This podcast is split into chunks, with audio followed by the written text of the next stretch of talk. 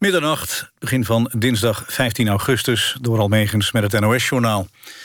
Het aantal stalbranden is de laatste jaren toegenomen. Drie jaar geleden waren het er 29. Dat aantal is opgelopen tot 47 vorig jaar. Volgens Brandweer Nederland kwamen in de afgelopen drie jaren... 370.000 dieren om bij branden. Kortsluiting en werkzaamheden zijn de belangrijkste oorzaken van de branden... maar ook blikseminslag en broei worden vaak genoemd. De branden waren bijna allemaal in stallen die voor 2014 zijn gebouwd. In nieuwe stallen is elektronica geplaatst in een aparte ruimte... en is veel minder brandbaar isolatiemateriaal verwerkt. In een Frans dorp ten oosten van Parijs is een auto op een pizzeria ingereden. Eén meisje is daarbij omgekomen, twaalf mensen raakten gewond, van wie vier ernstig. De automobilist is opgepakt. Volgens de Franse autoriteiten was het geen terroristische daad maar is de man wel opzettelijk op het gebouw ingereden. Hij zou suicidaal zijn. In Zutphen heeft brand gewoed in een bouwmarkt. De brandweer had zich teruggetrokken uit het gebouw... omdat er vuurwerk ligt opgeslagen. Kort voor 11 uur afgelopen avond gaf de brandweer het zijn brandmeester. Een woordvoerder van de veiligheidsregio zegt dat het vuurwerk... in een beveiligde bunker ligt opgeslagen. Bij de brand in Zutphen is beperkt asbest vrijgekomen. Het Chinese containerschip op de Westerschelde is vlot getrokken. Het schip liep vanochtend vast toen het van Antwerpen op weg was naar Hamburg... waarschijnlijk vanwege een technisch probleem. Andere grote schepen konden er daardoor de hele dag niet langs. Vanavond zijn bij hoogwater zeker elf sleep- en duwboten ingezet om het los te trekken. Het containerschip wordt nu naar de haven van Antwerpen gesleept. Het weer vannacht vrijwel overal droog. De temperatuur daalt naar zo'n 15 graden. Overdag trekken buien over het land van zuidwest naar oost. Die kunnen flink uitpakken met hagel, onweer en windstoten. Voor de buien kan het in het oosten nog 28 graden worden. In het westen is het 22 tot 24 graden. Dit was het NOS Journaal. NPO Radio 1. VPRO. Nooit meer slapen.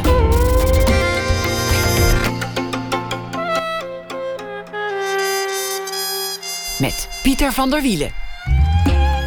Goedenacht en welkom bij Nooit meer slapen. Janna Loontjes is deze week onze vaste schrijver. Na ene hoort u haar beschouwing bij de voorbije dag. Een documentaire ook na ene over Nobelprijswinnaar Svetlana Alexievich. Maar we beginnen met Bob Fosco. Eeuwige roem heeft hij verworven met hits als Zal ik jou eens even in de bek schijten? En andere parels die hij maakte met eh, de groep De Rachende Mannen. We zouden hem tekort doen als we het daarbij zouden laten. Want eh, Fosco, alter ego van de juist allesbehalve brullende Geert Timmer... is acteur, muzikant, artiest en moeiteloos uh, slingert hij heen en weer... tussen de punk, punkrock en de dancemuziek, hakkenbar... en de country en de musical. En heeft zelfs een rol gehad in GTST, Goede Tijden, Slechte Tijden. Komende dagen op de parade is hij eh, te zien met uh, naar het Nederlands vertaalde Murder Ballads in een setting van een bluegrass band. De naam van de voorstelling is Koude Zaken, samen met Pierre van Del, Ella Wonder en de Bluegrass Boogeyman. En met teksten van Ingmar Heitse en de liedjes zijn dan vertaald door Frans van Deurzen. Bob Fosco, geboren in 1955, groeide op in Baarn. Hartelijk welkom, Bob Fosco. Dat heb je goed samengevat, zeg. We kunnen ja, leuk om hier te zijn. Je, je, je, vader werd uh, krokettenkoning genoemd in Baarn. Ja, dat klopt. Dat vind ik zo'n mooi woord. De, de, alliteratie staat me zo aan. Krokettenkoning. Ja, ja. Ja, ik kan me herinneren dat hij dat inderdaad zelf maakte. Hij maakte zelf kroketten. Tegenwoordig komen die dingen allemaal uit de fabriek. Mijn vader was een... Uh, hij was opgeleid als uh, banketbakker. En bij de banketbakker hoort eigenlijk ook de kroket. Dus dat kon hij heel goed. Rundvleeskroket. Ik kan me nog herinneren hoe, hij het maakte. Met, uh, hij begon met een roe. En die roe die ging in een pan met bouillon. En daar werd een ragout van gemaakt. Of de salpicon. Dat, zo noemde mijn vader het niet, hoe hij zei ragout. En uh, dat deed hij in een soort van buis met een plunjer. En die drukte dan zo een soort van worstmachine... die, uh, die lange, drolle kroket uit. en dan door de paneermeel. En uh, ik heb het in de laatste periode... Ik, ik was veertien toen mijn vader stopte met die zaak... heb ik me er ook wel mee geholpen. Dus... En, en waren het kroketten al met een K of nog met C-R-O-Q-U-E-T? Nou, hij begon met een C, maar in de tijd voordat me de, de zaak dichtging uh, in Baren... het was in het centrum van Baren, de Brink... toen werd het volgens mij een K, de kroket, ja. De volksere kroket? Ja, ja. Was het, een, was het een automatiek of bleef het toch altijd een soort bakker die toevallig ook kroketten deed? Wat, nee, het was een automatiek was geworden. Ze, ze, mijn vader en moeder begonnen volgens mij in, even, ik het even goed zeggen, eind jaren 50 met een banketbakkerij. Ik denk 53 of zo. In, in 1,62 is dat omge... om- ze begonnen eigenlijk aan de achterkant van de, van de banketbakkerij... een heel klein automatiekje. Dus hè, patatbakken en zo. En op een goed moment hebben ze de switch gemaakt... omdat eh, de snelle hap eh, uit Amerika kwam overwaaien. En daar konden ze, wilden ze aan meedoen. Dus je bent opgegroeid tussen de vetdampen.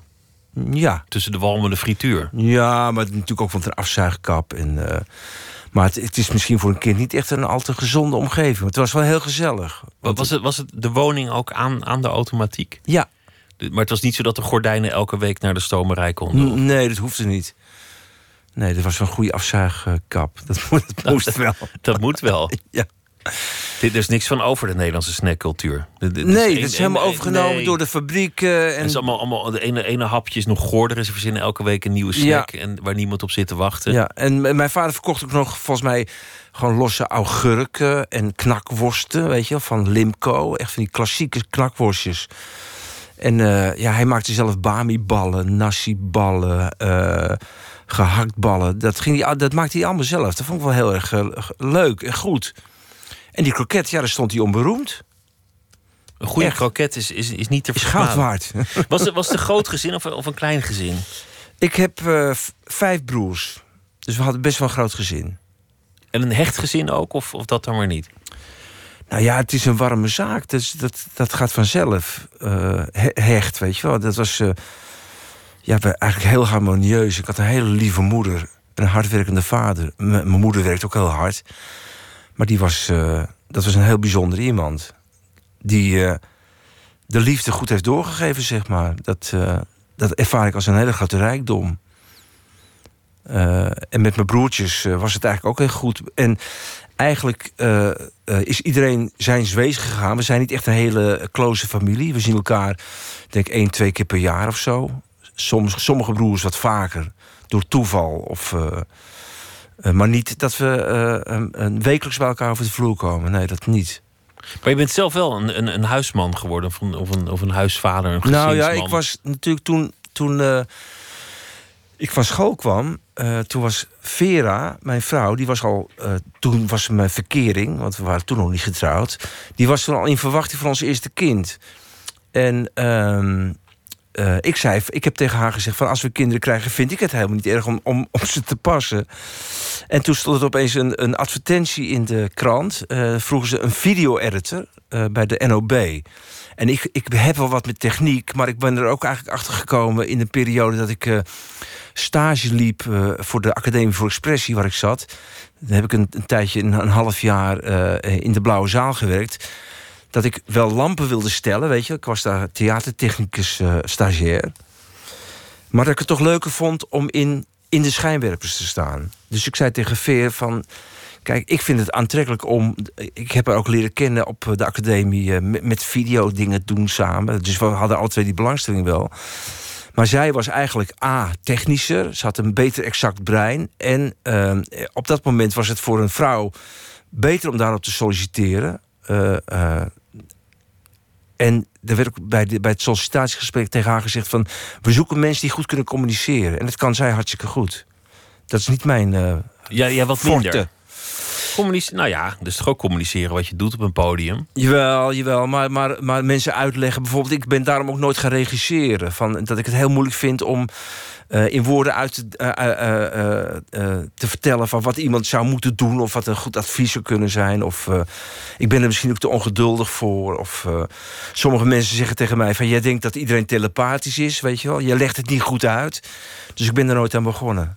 Aan dat werk. En Want, want Bob Fosco is als het, je artiestennaam, maar als het ware ook een soort alter ego. En die, die heeft een aantal eigenschappen die, die, eh, die zijn bedenker absoluut niet heeft. Want, want als je het over communicatie hebt, dus nou, het is vrij rechtstreeks. Hè? Het is, Ja, eh, dat- probeer de kortste weg naar de waarheid te lopen. ik weet niet of dat, of dat jouw eigen eigenschap ook zou zijn. Nou, ik denk wel zo, maar ik ben zo opgevoed eh, dat ik dat niet gelijk uit het achterste van mijn tong laat zien. Zou ik jou eens even in de bek schijten? Dat, dat is niet een tekst die jij zelf ooit, in, in wat voor hoedanigheid ook zou bezigen naar iemand. Je zou nooit je, je- nooit je woede laten gaan of je, of je af, afkeer laten gelden. Jawel, maar, maar, maar het is meer. Het is. Het is, het is eh, eh, hoe moet je zeggen? eh, ik, heb, ik heb het. mezelf eigen gemaakt. Het komt een beetje. eigenlijk, mijn, de, de, de, de broers van mijn moeder. Dat is niet de schuld van de broers van mijn moeder. Maar dat waren mannen die zaten op vrachtwagens. Dat waren stenenrijders. En ik heb in, in mijn boekje Sodemiet probeer ik dat uit te leggen, is dat ik, ik vond dat te gek hoe die mannen met elkaar praten. Kort, snel, stevig. eh, eh, dus ik, en, en, en als mijn moeder emotioneel werd, kon ze ook eh, zo kort en fel uit de, uit de, uit de, uit de, hoek komen. Dus ik, dat is een beetje mijn, eh, mijn achtergrond. Daar heb ik het van. Maar mijn moeder kon ik heel lang beleefd blijven. Hè? Gewoon luisteren en praten. En, en er was een grens en dan, dan sprong ze uit de vel. Gewoon eh, in woorden. En ja, daar ben ik door geïnspireerd geraakt, volgens mij. Want ik heb het zelf niet. Ik zal zelf niet zo snel eh, woedend worden of eh, eh, er- erop gaan slaan of fysiek gewoon heel erg boos. Nee, dat, dat niet. Ik kan wel boos worden, maar ehm, ik, ik geloof dat ik meer geduld heb dan mijn moeder. Ja. Want misschien is dat de andere kant van, van ons gezin. Mijn vader was een hele bescheiden, hardwerkende man. En die eh, vond ook helemaal niet dat je de mensen tegen, eh, tegen je in het harnas moest jagen. Dat zei mijn moeder ook tegen mij. Ik was een kind, ik weet niet hoe het kwam.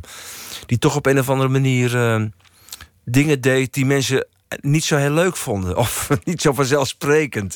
Ik was niet een heel voorbeeldig lief kind. Ik had, was een kind met een, een brilletje op, een scheel oog. En ik, ik luisterde niet zo heel goed, geloof ik ook.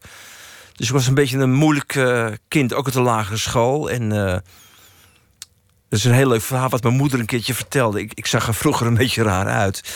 En toen kwam er een vertegenwoordiger de bakkerij binnenlopen. Mijn vader had een bakkerij waar hij zijn kroketten maakt. En, eh, en die vertegenwoordiger zei tegen mijn moeder van... is die wel helemaal goed? Die, die, zag me met het schele hoofd staan in de box, geloof ik. En mijn moeder werd heel boos en die heeft die man de zaak uitge- uitgejaagd. Heeft ze mij ooit verteld. Nou, dat is, dat is ook wel assertief van je moeder. Maar je moet natuurlijk, als je een winkel hebt, iedereen een beetje te vriend houden. ja, dus dat is zo. anders gaan ze die kroket elders halen. Ik ben van het harmoniemodel. Ik kan niet zo makkelijk eh, ruzie maken. Nee. Dat heb ik denk ik van, van huis uit. Maar wat, wat voor muziek hoorde je daar? Want, want ik denk bij een automatiek in, in de jaren zestig... dan denk ik meteen aan rock and roll. Ja, dat was er wel. Maar ook eh, Rob de Nijs. En eh, ik kan me herinneren dat... het was de tijd ook dat Doris populair werd. Die heeft een keer een vertaling gemaakt van...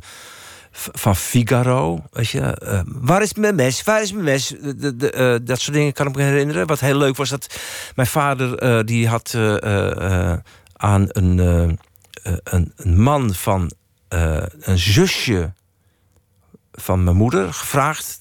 Die was handig met een bandrecorder om een grote band te maken met allerlei eh, populaire liedjes. Radio stond nog niet aan, want de radio was toen nog helemaal niet zo leuk. Dus het werd op een eh, bandrecorder gedaan. En die draaide dan verschillende banden op de hele dag op, op de radio in de zaak.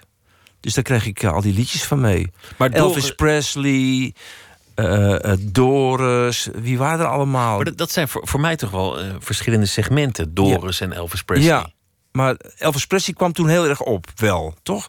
Ik denk dat hij zijn eerste hit in 55 had of zo. Ja, 56 Of denk ik. 56, ja. En wat was er nou nog meer? Ja, ik heb toen in die periode ook heel erg wel... Ja, Karin Kind. ja, eens even kijken, zeg. Eh, ik kan me herinneren dat wij op de radio toch ook wel luisteren naar... eh, eh, de top 10 met Herman Stok of zo. Dat, dat was het toen. Op de televisie had je top of flop, ook met Herman Stok. Dat was onze eerste kennismaking met eh, de, de populaire muziek. Little Richard volgens mij ook. Was, of is er iets daarvoor? Ik weet het niet helemaal zeker. nu, nu gaat het bij mij allemaal door de blender. Maar jij was net geboren. Ja. Ik, ik, ik moest nog even, Nou ja, even wachten. Ik ben van 55, hè, dus het is 62. Ik was zeven en toen begon dat muzikale bewustzijn wel. En mijn moeder was heel erg geïnteresseerd in muziek en eh, altijd stond de radio aan. Dus we hadden heel veel muziek in huis. En toen, toen koos je op een zeker ogenblik voor de, de Academie voor, eh, voor Vrije Expressie. Of, of hoe noemde je het nou net? Academie voor Expressie door woord en gebaar, maar dat was wel een stukje later. De Maar eerste- waar- had dat iets te maken met die radio in de automatiek of was er een andere inspiratie? Nou ja, ik, om, om het, eh, het verhaal een beetje compleet te krijgen. Ik, ik was een muzikaal kind, vo- vonden ze. Ik hield van muziek, ik hield van zingen. En eh het was op een gegeven moment eh, ehm, de vraag van... eh, moet hij dan een instrument gaan spelen. En eh, ik vond het hartstikke leuk. Weet je, ik was heel erg geïnteresseerd in uh, instrumenten, muziek, orkesten, noem maar op. En dat werd een accordeon. Dus ik ben op accordeonles gegaan. Uh, en er kwam er een leraar uit Hilversum, die kwam iedere zaterdagochtend om tien uur langs om mij de fijne kneepjes van het accordeonspelen uit te leggen. Maar ik was niet zo'n hele goede leerling. Maar hij heeft me wel zo ver gekregen dat ik vier, vijf jaar lessen heb gehad. En dat ik eigenlijk dat instrument een beetje in mijn vingers kreeg. En dan op een of andere manier, ja, dan, dan maak je muziek. Dus je, je, je, je speelt accordeon op eh, familiedagen. En jij bent het kind wat dat kan. Weet je, het is allemaal nog niet zo geweldig. Maar dat is, je krijgt al een soort van stempeltje uh, op je. Ik was in die periode ook misdienaar. En ik mocht dan, dan ook zingen in de kerk. En dat is een beetje, zo is het volgens mij een beetje ontstaan. En dat is, is volgens mij het, het contact met het publiek met publiek, hè, dat je iets kan doen voor een ander. Ik was volgens mij ook een klein beetje een, een aandachttrekker. Uh, daar, zo is het een beetje gegroeid eigenlijk. Niet overdreven hoor, dat uh, aandacht trekken. Maar, maar toch wel, het zat er wel een beetje het, in. Het was wel leuk om, om de ja. entertainer te zijn. Om mensen aan het lachen te maken, grapjes te doen. ja. Maar vonden je ouders het ook leuk dat dat een beroep werd? Nee, helemaal niet. Meestal niet, toch? Nee.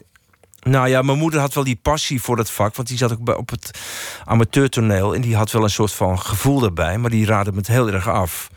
Ook omdat ik... Uh, uh, ja, ze raadde het me af. Het was een beetje dubbel, hè?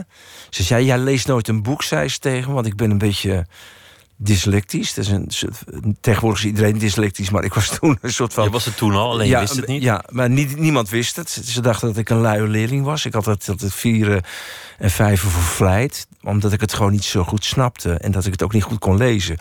Lezen is trouwens voor mij nog steeds een klein beetje een probleem. En het maakt het ook wel altijd een beetje ingewikkeld. Als je bijvoorbeeld hoorspelen moet doen of teksten moet in, in, inspreken. Ik kan het wel, maar ik heb er altijd iets meer tijd voor nodig. Want ik heb één lui oog, weet je wat ik al vertelde. In, uh, uh, dus ik ben ook geopereerd aan mijn oog. Dus ik, ik kan, ja, ik heb, ik heb die vaardigheid van mooi goed vooruitlezen. Zoals jij zojuist heel goed deed. Ja, voor mij is dat, ik moet het een paar keer doorlezen om dat goed te kunnen. Dat is geen beperking. Ik heb uh, geleerd om ermee om te gaan. Maar het is altijd wel een beetje een spannend moment. Als je teksten moet inspreken of uh, met hoorspelen bijvoorbeeld. Weet je, dat je, maar, nu, maar nu weet je wat het is en waar het vandaan komt. Ja. Als je een leerling bent en, en je, ja, je hebt gewoon één probleem: dat lezen gaat niet zo goed. Ja. Vanwege dat oog of die dyslexie. En dan denk ze meteen dat je dom bent. En denk ze meteen ja, dat je een, een halve garen bent. Ja. Maar dat, het stempel van dommigheid, dat uh, kleeft sowieso wel een beetje aan mensen die niet zo goed lezen of bijvoorbeeld uh, uh, dyscalculie hebben. Of, ik weet van mezelf, ik weet niet hoe het komt, maar bij de ontwikkeling van je hersenen heb je twee ogen nodig. En ik met het luie oog, dat schele oog, ja, is er niet iets misgegaan, maar het ontwikkelt zich anders. Dus ik merk ook aan mezelf, als ik bijvoorbeeld aan het repeteren ben, ik moet dingen uitspreken, ze moeten mijn oren inkomen om het erin te krijgen. Ik kan het niet puur vanuit de tekst halen. Ik moet echt het, uh, het, het auditieve uh, uh, werkt voor mij het meest. dat is het meest belangrijke. Echt zeggen, uitspreken. Ik wandel dan, doe, doe ik teksten. Gewoon spreken, spreken, spreken, spreken. En dan, dan komt het erin. Ontstaat het ook zo? Gewoon spreken? Gewoon, gewoon niet, niet opschrijven, niet gaan zitten dichten ergens, maar gewoon in een oefenruimte of waar dan ook gewoon, ja, gewoon oreren? Uh, als ik bijvoorbeeld, nou, de, de Rachende Mannen is misschien het beste voorbeeld. Want daar voel ik mezelf eigenlijk het meeste in thuis en als een vis in het water. Want wat ik dan doe, ik probeer de kern te pakken in een paar zinnen. Uh, en dan, uh, dan, ga ik niet een, een, tekst componeren die dan blijft zoals die is. Maar die ga ik eigenlijk in de studio, ga ik hem nog eens een keertje dan laat ik me ook leiden door de muziek. Dan krijg je een soort van chemisch proces muziek, de band volgt. Weet je, het is, het is echt een. Het, het, het, het, het, uh, het is een soort van chemische reactie. Je het is gewoon opeens... eigenlijk, eigenlijk een soort jazz, maar dan in een ander genre. Ja, ja, daar heeft het echt mee te maken. Herhaling, weet je wel, dat je voelt van. dat je bepaalde woorden moet herhalen. Dat, ze, dat je, opeens voel je de kracht van bepaalde woorden. en die kun je dan nog een keer. Want ik kan me herinneren dat bij Poepio, waar je het net over had, van poep in je hoofd. Eh, eh, eh, wat maakt het uit? Als je maar gelooft. Ja, dat, is, dat heb ik niet opgeschreven. Dat kwam er opeens uit. Dus dat herhaal je dan.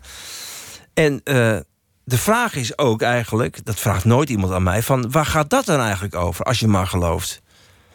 Ja, dat heb ik nooit zo over nagedacht. Het is van, van zeg maar alles wat je wil als je er maar in gelooft. Ik weet het niet zo goed. Het was een heel spontaan nou, opgekomen regeltje. Ik vind het eigenlijk een heel actueel regeltje. Poep in je hoofd als je er maar in gelooft. Ja. Ja, toch? Iedereen heeft tegenwoordig poep in zijn hoofd, omdat dat iedereen zich van alles laat aanpraten. Ja, dat is waar. Zo kan je het ook interpreteren. Laten we luisteren naar een kleine compilatie die, uh, die we vandaag in elkaar hebben geflanst met nog maar een klein deel van alle dingen die, uh, die je gedaan hebt. Zal ik jou eens even lekker in je bek snijden? Of heb je al poep? Poep in je hoofd. Zal ik jou eens even lekker in je bek snijden? Of heb je al poep? Poep in je hoofd. Zal ik jou eens even lekker in je bek snijden? Of heb je al poep? Poep in je hoofd. Een school is toch geen markt?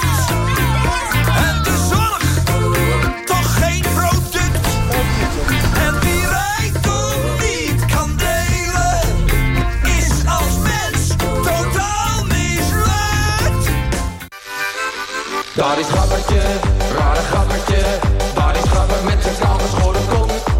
Daar is gabbertje, rare gabbertje. Zoals ik zien heb je al honderd pillen op. Ja, dit, nou, dit zijn nog de wat ruwere dingen. Een spotje voor de SP. Ja. Een soort persiflage op de, op de gabber, wat in de tijd heel, uh, heel modieus was. Ja, en succesvol, hè? En heel succesvol. Ja. Hier en daar nog een voetballied, maar, maar ook Nu gaan we een liedje draaien van, van iets, iets wat recenter is. Samen met je dochter. Ja. En dat is een beetje meer de sfeer van wat je ook op de parade gaat doen. Maar dit is uit een eerdere voorstelling en het, uh, het nummer heet Rond. Oh ja.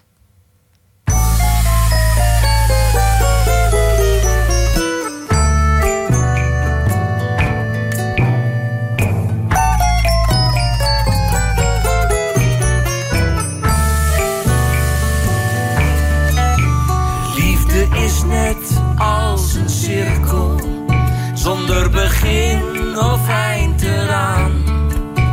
Als je denkt dat het voorbij is, begint het weer van vooraf aan. Liefde is net als de seizoenen, wanhoop niet, want ze komt altijd terug. Soms komt ze langzaam en soms komt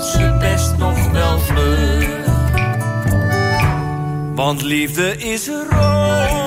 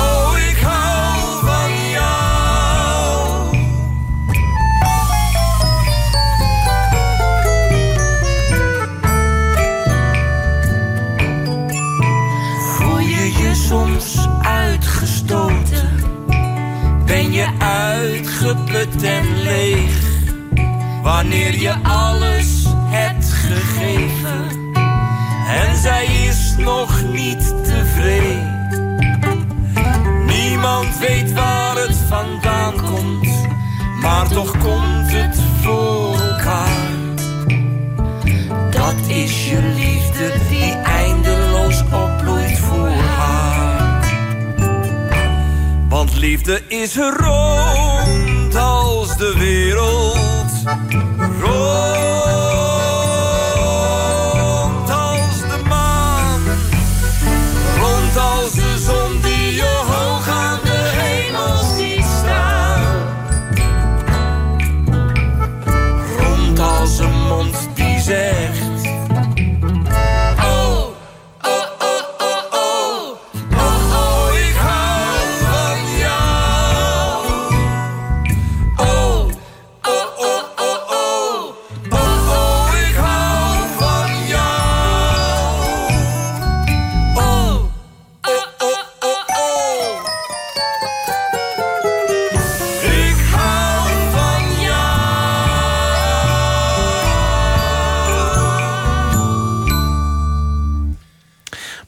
Vosko met, eh, met zijn dochter Ella Wonder rond. En daarvoor een eh, compilatie van andere dingen die, eh, die hij door de jaren gedaan heeft. Er lijkt een soort contrast in te zitten, maar bij jou waait er toch alle kanten op. Ja, Een musical, een, een, een, soapserie.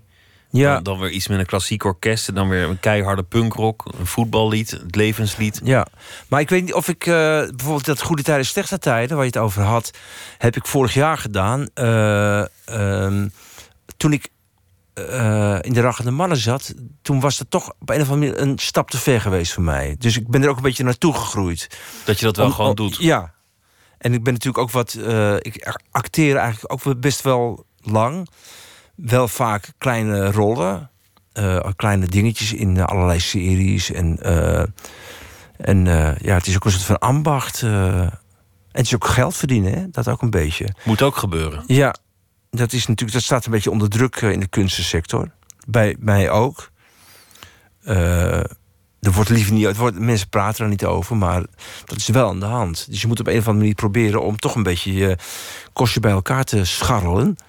En het was voor mij eh, een hele lange periode totaal geen probleem, omdat Vera flink wat werk had. En ik zelf ook best wel wat centjes kon verdienen met commercials inspreken. Veel radiowerk heb ik gedaan. Vond ik hartstikke leuk. En dat neemt af, nou, het- niet eh, omdat kwaliteit ontbreekt of dat. eh, eh, ehm, het heeft meer te maken met dat, je, dat er nieuwe groepen aankomen. Die, dat geldt ook voor Vera als video-editor. Er zijn jonge mensen die dat overnemen. Dat zo, dat, zo zit het eenmaal in elkaar. Maar heb je, kan je nu nog goed leven van wat je doet?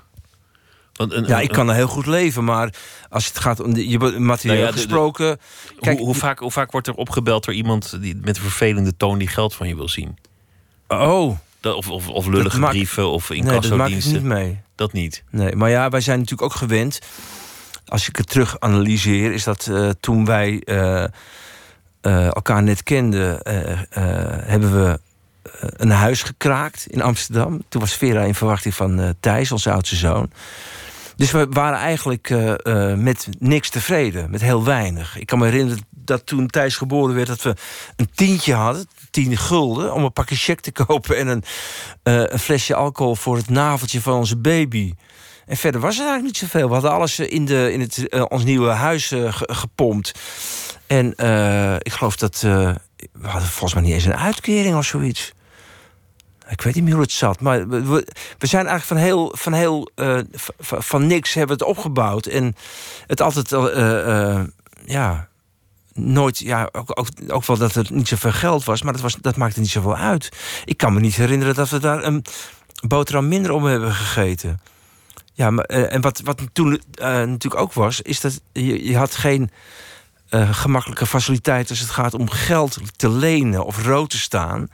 Dus wij leenden wel eens wat van een vriend of een vriendin, of er kwam er, een eh, familielid met een biefstukje langs. Of eh, ja, ik weet het niet. Dat was toen allemaal wat minder, minder eh, belangrijk. En eigenlijk ging Vera.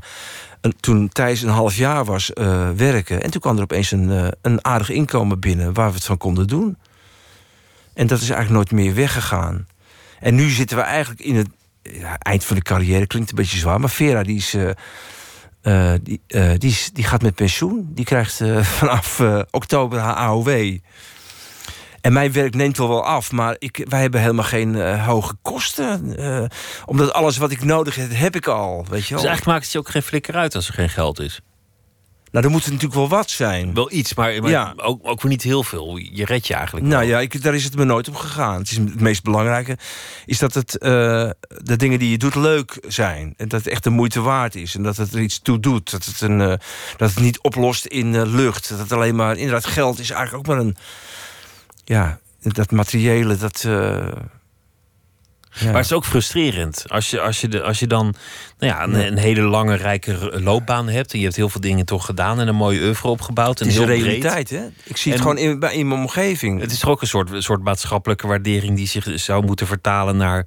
Ja, je hoeft niet meteen een, een, een mooie racefiets te hebben of zo, maar, maar dat, je, dat je gewoon geld op de bank hebt. Dat er bij zo'n pinautomaat niet meteen een middelvinger in, in, het, in het scherm Oh, ja. Dat hebben, we, dat hebben we nog niet. Nee, dat hebben we nog helemaal niet. Eh, maar ja, geld op de bank, wat is dat? Wij hebben een huis in Frankrijk. Dat heb ik 15 jaar geleden hebben we dat samen gekocht. voor weinig, hè? Echt voor weinig. En daar hebben we veel aan verbouwd. En daar hebben we een heel mooi plekje van gemaakt. En eh, we hebben een huurhuis in Amsterdam, wat niet zoveel kost. Eh, ja, we hebben. dat zijn allemaal van die clichés die er wel toe doen. Ik bedoel, we hebben onze gezondheid. Eh, het gaat goed met de kinderen en, eh, en er zijn ook eh, kleinkinderen gekomen. Die, dat betekent veel. En ik moet zeggen, ik heb er ook een beetje om gevraagd. Ik bedoel, ik ben ook bewust in dit vak ge- gegaan eh, omdat ik mijn passie wilde volgen. Dat is muziek en dat is zelf dingen schrijven, ontwikkelen en niet gaan werken bij een baas. Het heeft bepaalde risico's, nee, het brengt, dat met zich mee. Maar ik heb niet het idee dat we aan de rand van de afgrond staan, helemaal niet. We hebben niet zoveel nodig, materieel gesproken ook. Marx noemde dat eh La Bohème. En dat waren dan gedeserteerde soldaten en eh, ongeregistreerde en, en, en schrijvers. Ja, En, en dat, dat noemde hij dan een beetje zo de... de La Bohème, De, ja, de, de mensen die de zwervers. niet, echt het inkomen hadden. Niet echt Ja. een vaste woon- of verblijfplaats. Ja. Dit kleeft ook altijd een soort romantiek aan. Heeft, heeft dat bij jou eraan gekleefd? Aan het muzikanten, de artiesten bestaan? Had je daar een Nou ja, ik had in ieder geval grote moeite met eh, eh, werken bij een baas of zo. Dat, dat eh, heeft me nooit zo aangetrokken. Dat, dat, dat, dat heeft me nooit zo geïnspireerd om dat te Was, was ook niet goed gegaan, denk ik. Nee, nee, daar was ik niet gelukkig van geworden, geloof ik. Nee. Ik heb echt mijn vrijheid nodig om te kunnen doen en laten wat ik wil. Ik merkte dat laatst was ik, eh, hadden een hele leuk eh, tripje gemaakt naar Budapest. En zitten we met z'n allen in een heel groot huis. Dat vind ik dan ook wel leuk en enig en gezellig. Met een zwembad en eh, lekker eten. En, maar dan mis ik toch ook een beetje mijn eigen vrijheid. Want ik zit er met die groep mensen in het huis. Deel familie en deel vrienden en kennissen. Maar dan wil ik ook eigenlijk, zou ik naar boven willen gaan om even een stukje te schilderen of te zagen of iets anders te doen. Iets, eh, ja. Ik ben geen goede vakantievierder bijvoorbeeld. Helemaal niet. Wat, waar- je hebt sommige mensen die gaan vier keer per jaar op vakantie. Die gaan skiën, eh, ze gaan eh, berg beklimmen, eh, naar een warm land duiken, noem maar op. Ik, moet daar, ik, ik wil niet zeggen, ik moet er niet aan denken. Maar ik kan me daar niet of nauwelijks aan overgeven. Dat, Wat je wil creëren. Uiteindelijk wil je ja, gewoon dat iets is het maken. leukste. Dat vind ik, vind ik het leukste, om iets te maken. Ja. En soms kost het je geld. En dan, heb je een idee voor een plaat of een single of wat Ja. dan ook. En dan, dan doe je het helemaal zelf. En dan, Ja. dan leg je er nog flink op toe ook. Ja, en dan hoop je dat er iets voor terugkomt. Maar ik moet zeggen, dat was in, in periodes dat ik het kon leiden. De, je doelt misschien op de, op de plaat met de groep Fosco. Ik had zoiets van, nou, ik heb een eh, periode vrij hard gewerkt eh, in My Fair Lady. Er waren 220 voorstellingen voor stage entertainment... waar ik ook best wel goed verdiend had. Ik had zoiets van, nou ja, een bedrag wat ik hier aan overhoud... kan ik investeren in een plaat. En dan zeg ik van, jongens, ik financier het. Weet je, het ging om een bedrag van, ik denk, tussen de 7,5 en 10.000 euro... Dus ik kan het nu leiden. Ik bedoel, we hebben een huis in Frankrijk, kom allemaal hier naartoe. Eh, en eh, als het dan break-even is, weet je, als alle kosten betaald zijn, be- betaald zijn dan, eh, dan, dan verdelen we de poet. Vind ik prima. Maar zover is het natuurlijk nooit gekomen. Maar ja, op zo'n moment kun je het heel goed hebben. Ja, En dat maakt het ook niet uit. Als het goed is geworden en je bent er blij mee, dan, dan is het een goede investering. Nee. Aan de andere kant moet ik zeggen dat als het op een vervelende andere manier uit de hand zou lopen, weet je, bijvoorbeeld een dip in, in het werk, waardoor je opeens eh, eh, op een achterstand eh, komt, financieel gesproken, dat is helemaal niet leuk. Dus je moet wel proberen om, je moet, wij moesten het ook proberen om een beetje een balans te vinden. Maar het zit hem ook heel erg in dat je genoegen neemt met het feit dat je niet iedere avond uit eten gaat of een nieuwe auto wil rijden of eh, een Maar heb je eens de angst gehad van... fuck, nu moet ik, nu moet ik wel voor een baas gaan werken... al is het maar voor een paar maanden. Die moet, want ik ken, zoveel, ik ken heel veel kunstenaars of muzikanten... die, die zijn dan ook postbode. Of, eh, Ja, of doen iets anders. ik heb wel zitten denken dat het. Ik zou best wel. Ja, het, gaat zo ten koste van je tijd. Hè? Want eh, als je dingen wil bedenken en maken, dan heb je ook die tijd nodig om die dingen te bedenken. Maar die kun je ook wel bedenken als je inderdaad de post rondbrengt. Of je hebt tegenwoordig ook van die, eh, van die eh, eh, eh, couriers op van die elektrische bakfietsen, weet je wel. Dat lijkt me ook wel leuk om dat te doen. Maar zover is het gewoon nog niet, nog niet gekomen. Zo diep is het toch niet. Ik zou er echt niet mijn hand voor omdraaien hoor, om een, op die manier een beetje bij te verdienen. En ik heb het natuurlijk ook al gedaan in, in trainingswerk. Hè. Ik Als acteur heb ik gewerkt in, eh, ehm, in Rotterdam in het Erasmus eh, Medisch Centrum als eh, bij de huisartsenopleiding. Dus moest je een, En, en bij de politie deed je Ook altijd politie de boef. heb ik ook dan moesten, ja. moesten ze leren hoe ze iemand moesten arresteren... en dan Ja. belden ze jou. Ja, of door rood rijden en, zeggen, en, en de agent een grote bek geven. En dan moest de, de agent eh, zijn eh, rust bewaren. En dan hebben ze wel een goede gecast. Ja, was heel leuk, ja.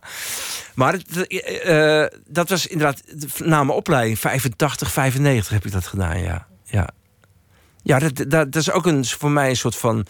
eh, ik was natuurlijk al voor een deel opgeleid als acteur op de Academie voor Expressie.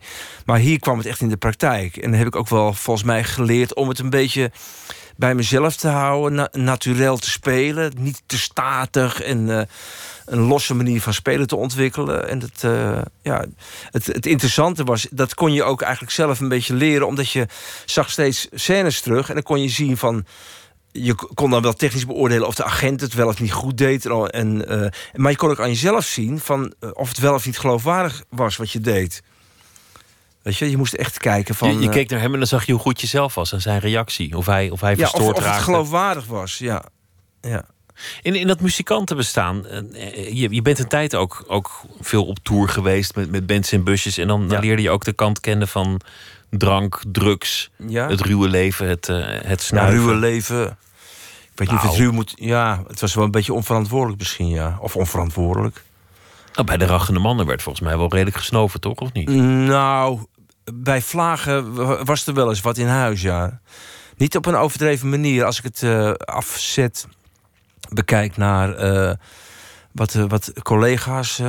en, het was een reputatiedingetje ook, want er werd nooit zo open mee omgegaan. Ik kan me herinneren dat de beginperiode er nog wel eens een soort van eh, een, elitaire eh, eh, momentje was van dat er een, een, een, een- spiegel in de kleedkamer werd neergelegd waar een lijntje op gelegd werd omdat het was in de periode dat ook advocaten, tandartsen en dat soort notabelen de druk tot zich namen. Maar op een gegeven moment werd het een beetje, ja, het problematisch. Ik kan me ook herinneren dat we hadden in die periode wel contact met mensen van Gotcha. Die kwamen wel eens tegen op eh, festivals. Die hadden daar echt ook een slechte naam door ontwikkeld. Ik weet niet waar, wat het nou is eh, in, in Nederland dat het zo loopt. Maar eh, kijk, die, drugs is op een of andere manier... eh, eh, in, in dat bestaan wat mensen een beetje op de been houdt, kennelijk of zo. Om, eh, anders is het gewoon niet te doen of zo. Of, of, eh, Ja, wat, maar het was met name de drank inderdaad die bij ons de, de overhand had. Er werd wel gedronken. Het kwam, het kwam ook een beetje door... ehm, eh, de, we hadden eh, eh, geïntroduceerd de slammer.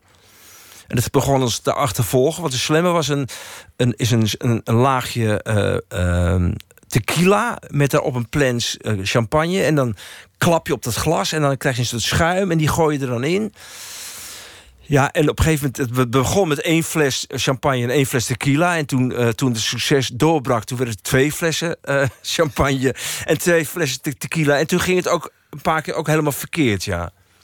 Ja, toen... eh, toen Dat het optreden helemaal de, de mist Nou, nee, dat, nee, maar daarna. Hè? Dus op, de, op weg naar huis en... ja, dan werd het, eh, ja, dronkenschap. Totale dronkenschap. En, en volgens mij ook gruwelijke katers als je dit soort drankjes Ja, gaat het is mengen. niet vol te houden. Nou, ik deed er eerlijk gezegd niet zo heel erg aan mee, want ik had natuurlijk kleine kinderen. Dus ik, dat is, ik wil niet zeggen mijn redding geweest, maar ik moest toch al een beetje op de rem staan. Nou, misschien ook, ook ja, redding is een groot woord, maar er zijn natuurlijk heel veel mensen in, in jouw omgeving niet meer in leven. Ja, In, in, dat in- hoort wel een beetje bij mijn bij leeftijd, het- maar het hoort ook bij de levensstijl. En, en ook wel bij, bij de kringen, bij de, bij de muzikanten, de, Ja, de creatieve. Maarten van Roosendaal is een goede vriend Ja. van je. ja, Nou, zijn, zijn er nog wel meer? ja. Ja, er zijn er heel wat gegaan. Ik bedoel, ik, wij hebben eh, in oktober vorig jaar eh, Bart Fleming, dat is onze vaste belichter, die echt vanaf de show 1 eh, het licht gedaan heeft, die is ook overleden. En ja, hij heeft, hij heeft slokdarmkanker gekregen. Ja, en daar kun je over discussiëren hoe dat komt. Maar het heeft waarschijnlijk ook te maken met de levensstijl. Dat je weet een beetje welke risico's je neemt. Dat was met voor Maarten natuurlijk ook zo. En ik, ik, ik dacht wel eens bijna van... eh, misschien wil hij wel helemaal niet oud worden of zo. Want eh, er ging best wel wat in. Qua roken en qua drinken. En ja, het is wel een, een ruige... ja, en dat ga je terugbetalen op een gegeven moment. Als je ouder wordt, dan, dan lever je in. Ik bedoel, dat hart kan ook niet... lang en zo hard werken. Dat, uh, want inderdaad, met kookgebruik is het bekend dat het uh, je hart uh, beïnvloedt. Dat het echt ten koste gaat van, van de capaciteit van je hart. Maar het, het, was volgens mij voor jou nooit echt, echt je, je grote passie. Het was niet waarom je, waarom je meeging met een band. Het interesseerde je eigenlijk ook weer niet zo heel veel. De drank en de drugs? Nee, nee, nee. nee. Ik heb er ook eerlijk gezegd nooit zo volledig aan mee kunnen doen. Maar wel om me, om me heen gezien dat inderdaad mensen daar toch uh, ja, kapot aan gingen. Uh, dat het een heel belangrijk onderdeel van hun leven werd. Zoals wat ik zei over Dick. Ik zeg Dickie Schulte Noordholt, onze bassist van de Rachende Mannen. En een goede vriend van me. Die is elf jaar geleden overleden. En ik, ik kan me herinneren dat we net met elkaar samenwerkten. En toen, toen had hij al een soort van... Uh, hij hield wel van drinken, zo. En, toen zei ik van, waarom drink jij zoveel? Toen zei hij, nou, ik vind er anders vind ik er niks aan. Ik, ik, weet niet of het te maken had met zijn karakter. Hij was van huis uit wel verlegen. En hij heeft was tegen mij verteld dat hij stotterde en dat hij moeite had om. Uh, uh, dus, dus, hij nam een borreltje voor de moed, zeg maar. En dat is toch wel een beetje. Dat is hem ook wel fataal geworden, want hij is overleden aan een uh, levercirrose. Een soort versteende lever eigenlijk. Ja. Een soort, soort baksteen, een klomp die niks meer doet. Ja, dan krijg je allerlei spataderen op je, op je slokdarm. En hij wist het ook. Hè? Hij wist dat hij eigenlijk niet meer kon drinken. En we dachten ook dat hij echt helemaal gestopt was. Maar toch... Uh... Kon hij het niet? Nee. Nee. Ja, jouw vader is ook jong gestorven. Ja. Ja, waar dat ook kwam, weet ik niet. Het had niet te maken met zijn slechte levensstijl. Hoewel uh, hij ook wel uh, een beetje overgewicht had. Maar hij bleef eigenlijk roken.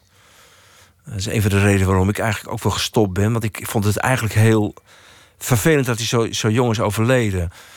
Uh, niet alleen voor mezelf en voor mijn broers en voor mijn moeder, maar ook voor mijn kleinkinderen bijvoorbeeld. Ik had zoiets ja, of mijn kinderen. Mijn kinderen hebben dan geen opa.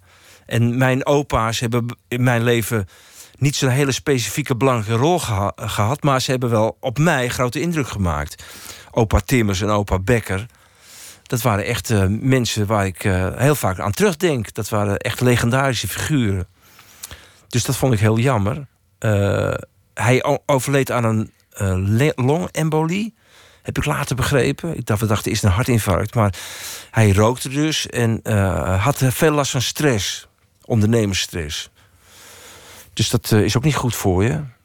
Maar, en, maar, jij dacht, ik moet wel opa worden. Dus, dus ja, daarom heb je eigenlijk altijd opgelet. Je dacht, dit gaat mij niet gebeuren. Ja, ik probeer, ik probeer er wel iets aan te doen. Ik ga niet uh, als een uh, lemming mijn einde tegemoet. Maar ja, dat is inderdaad wel moeilijk. Ik bedoel, als het gaat, of moeilijk, die keuze maak je. En, bijvoorbeeld stoppen met roken is al een hele stap. Daar was ik best wel trots op. 30 jaar geleden gestopt met roken. In de periode dat ik dus vol in die beentjes zat. Maar in mijn geval had het ook alweer zijn voordeel. Want roken beïnvloedt ook heel erg je stem. Dus met de rachende mannen was het ook nooit goed gegaan als ik was blijven roken. Met dat schreeuwen en dan nee. erbij paffen ook. Dat, Precies, dat nee. was niks geworden. Maar je hebt ook tegenwoordig heel veel mensen met, van, van die foodblogs die dan heel, heel erg bezig zijn met oud worden en gezond leven. En dan eigenlijk vrij ongepassioneerd in dat leven staan. Ja, en dan, worden ze oud en dan. denk je, Jezus, gaat dat dan nog honderd jaar door over, joh? Bordkarton eten. Uh, je bent eh, voor die laatste voorstelling, want daar moeten we het ook nog over hebben, oh, ja. uh, beïnvloed door de, de Louvain Brothers. Ja. Die ook weer in, in de vorige zaten, een murder ballad. En ik stel voor dat we eerst gaan luisteren naar een, een nummer van het origineel. Oh ja. Knoxville Girl. Oh ja.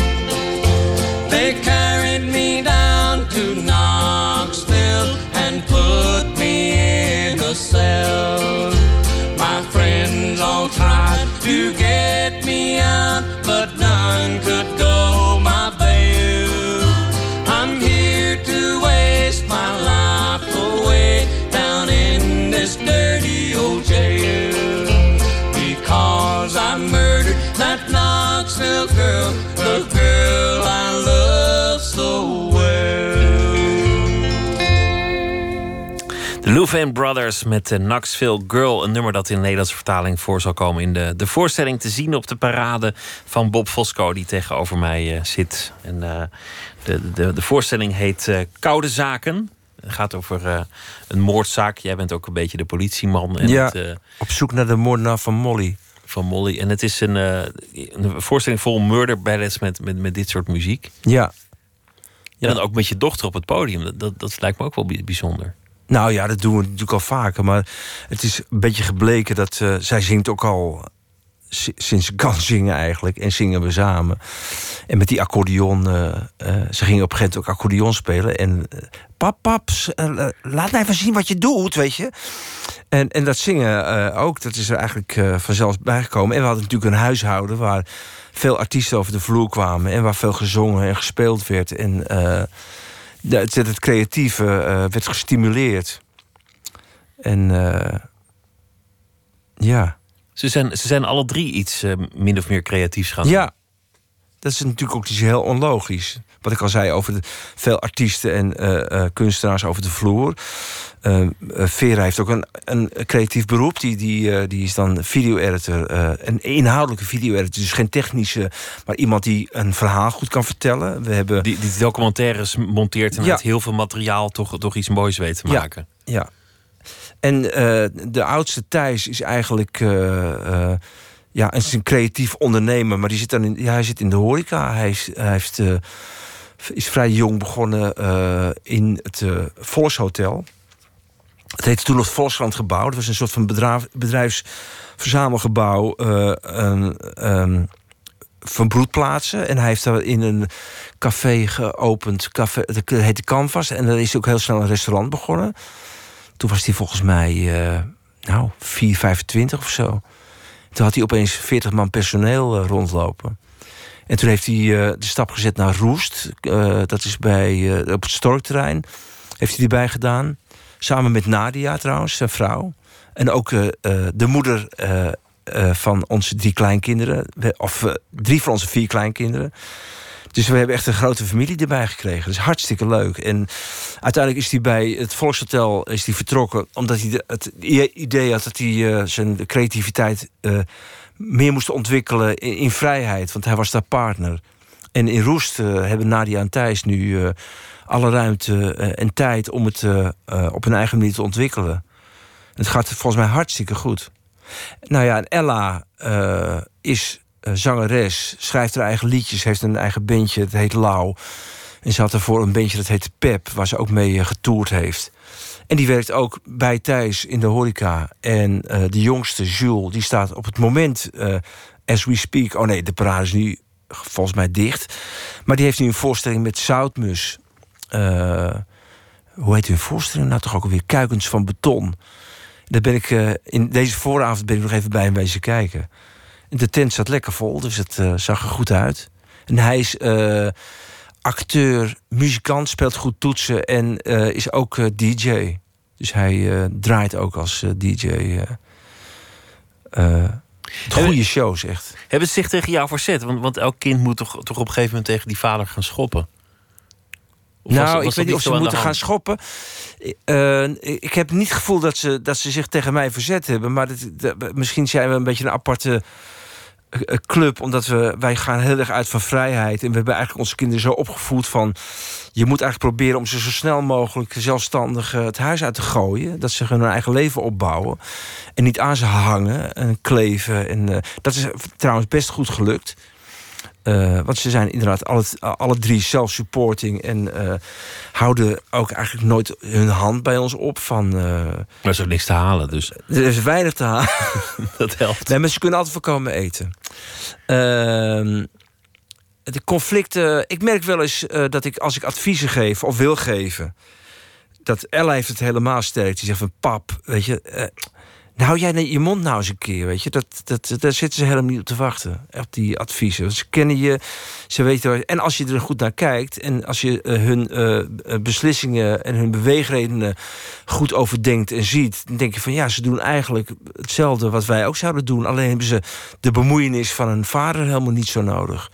Dat is gewoon heel sterk. Ze hebben gewoon die eigen drang naar vrijheid en eigen keuze, keuzes maken. Maar als je ziet, als ik zie hoe ze met hun kinderen omgaan en hoe zij in het leven staan, ja, is dat uh, volgens mij uh, ook een beetje het, uh, het product van de opvoeding die ze hebben gekregen. Dus wij waren er wel bij betrokken. En soms in bepaalde momenten bel ik bijvoorbeeld Thijs wel eens op van dat ik een zakelijk niet zo goed weet wat ik moet doen. En zeg van, hoe moet ik dat aanpakken? Hoe, hoe zal ik me daarin opstellen? Want Thijs is vrij gedecideerd en hij is, hij is best wel een, een, uh, persoon. Die weet wat hij wil. En uh, die zegt dan tegen mij: uh, Je moet vooral niet doen wat je niet wil. Als je dat maar in je hoofd houdt, dan komt het volgens mij allemaal wel goed. En ik bedoel, ik ben het met hem eens. Want ik heb ook wel eens keuzes gemaakt waarvan ik dacht: van ja, die, doe, die maak ik nu omdat het financieel goed uitkomt. Maar ik weet het niet goed of dit nou wel een goede keuze is. En ik ben er wel eens een beetje, een beetje mee op mijn gezicht gegaan. En had ik misschien beter naar hem kunnen luisteren. En, uh, Terwijl het heel erg je eigen principe altijd is geweest. Ja. Om, om te doen wat je wilt, te doen wat je, wat je belangrijk ja. vindt. Ja, dat, is het nog is steeds. eigenlijk de, de leidraad in je bestaan ja, geweest. Dat is het nog steeds. Maar soms uh, zijn er momenten dat het, uh, uh, nou ja, inderdaad, wat we het net over hadden, de financiële situatie, dat het aanlokkelijk is om iets te gaan doen wat je geld oplevert, maar wat eigenlijk misschien niet echt een juiste keuze is. En dan heb ik het helemaal niet over de musicals van, van de Ende en zo, want dat heb ik altijd ontzettend leuk gevonden. Maar kijk, als je je opstelt als een medewerker aan een productie, word je uiteindelijk ook wel een klein beetje van je gevraagd dat je uh, uh, moet doen wat de andere mensen tegen je zeggen. En dat, dat valt me af en toe een beetje zwaar. Ook omdat ik zo'n problematische leerling ben, weet je. Dat, uh, dan komt dat weer boven. Dan voel je jezelf weer die domme leerling. Ja, die ja denk van, nou, hij, hij kan zijn, hij kent zijn tekst werd. nog niet. Ik zeg, doe echt mijn best hoor. En maak je geen zorgen. Dat vind ik heel ingewikkeld. Dat vind ik ook niet zo leuk aan dit vak. Weet je wel, dat, dat, dat, dat, is, dat is een probleem. Of ik, ik, ken, ik ken acteurs en, en bevriende acteurs die zeggen... dat repetitieproces, dat vinden wij het allerleukste. Terwijl ik denk van ja, het begint voor mij pas echt te fikken... Uh, als het publiek er is. Hè, dan gaat het voor mij echt leven. Dus de, de repetitiefase is voor mij heel vaak... ook omdat ik lastig leer, uh, moeilijk. Uh, en ik probeer me heel serieus mee bezig te houden. Niet de kantjes ervan af te lopen. Goed naar de teksten te kijken, de liedjes te leren... Uh, als het daarom gaat. Hè. Kijk, in, in, in de muziek, in, in de in muziek met de rachterman, heb ik daar niks aan. Dan moet ik juist het moment op me af laten komen. Want dan gaat het pas echt leven. Maar in dat soort uh, inderdaad, situaties waarin je moet werken met een regisseur en met andere collega-acteurs, is het soms niet altijd even makkelijk om uh, dat uit te leggen. Dus die, die fase waar je nu in zit, de aanloop naar zo'n voorstelling, vind je eigenlijk ook niet zo heel leuk? Moeilijk altijd. Moeilijk. Het begint voor mij echt pas uh, vorm te krijgen of echt uh, als het publiek uh, komt. Je, je, was een tijd ook actief voor de SP. Schreef je campagneliederen of maakte je, maakte je een filmpje? Of een Samen dingetje? met anderen ook wel. Hè? Ik bedoel, ik heb maar het, ja. is, is daarin eigenlijk ook, ook dat ideaal van, van jouw idealisme iets tegen de bazen? Te, tegen, de, tegen de mannen die, die het geld pakken of de mannen Ja, die, die gaan vertellen hoe ja, het moet? absoluut. Ik kan me herinneren dat ik, eh, eh, ik... Ik weet niet hoe oud ik toen was, maar... Dat wij ook... eh, eh, eh, ik zat bij een of andere hulporganisatie in Baren, waar ik vandaan kom. Het heette IHC, Interkerkelijke Hulpcentrale. Wij, wij deden klussen in ziekenhuizen, in, in verzorgingshuizen, uh, uh, noem maar op. En toen hebben we ook een keertje meegedaan aan een, een of ander politiek hoorspel. Ik las toen ook Marx voor scholieren.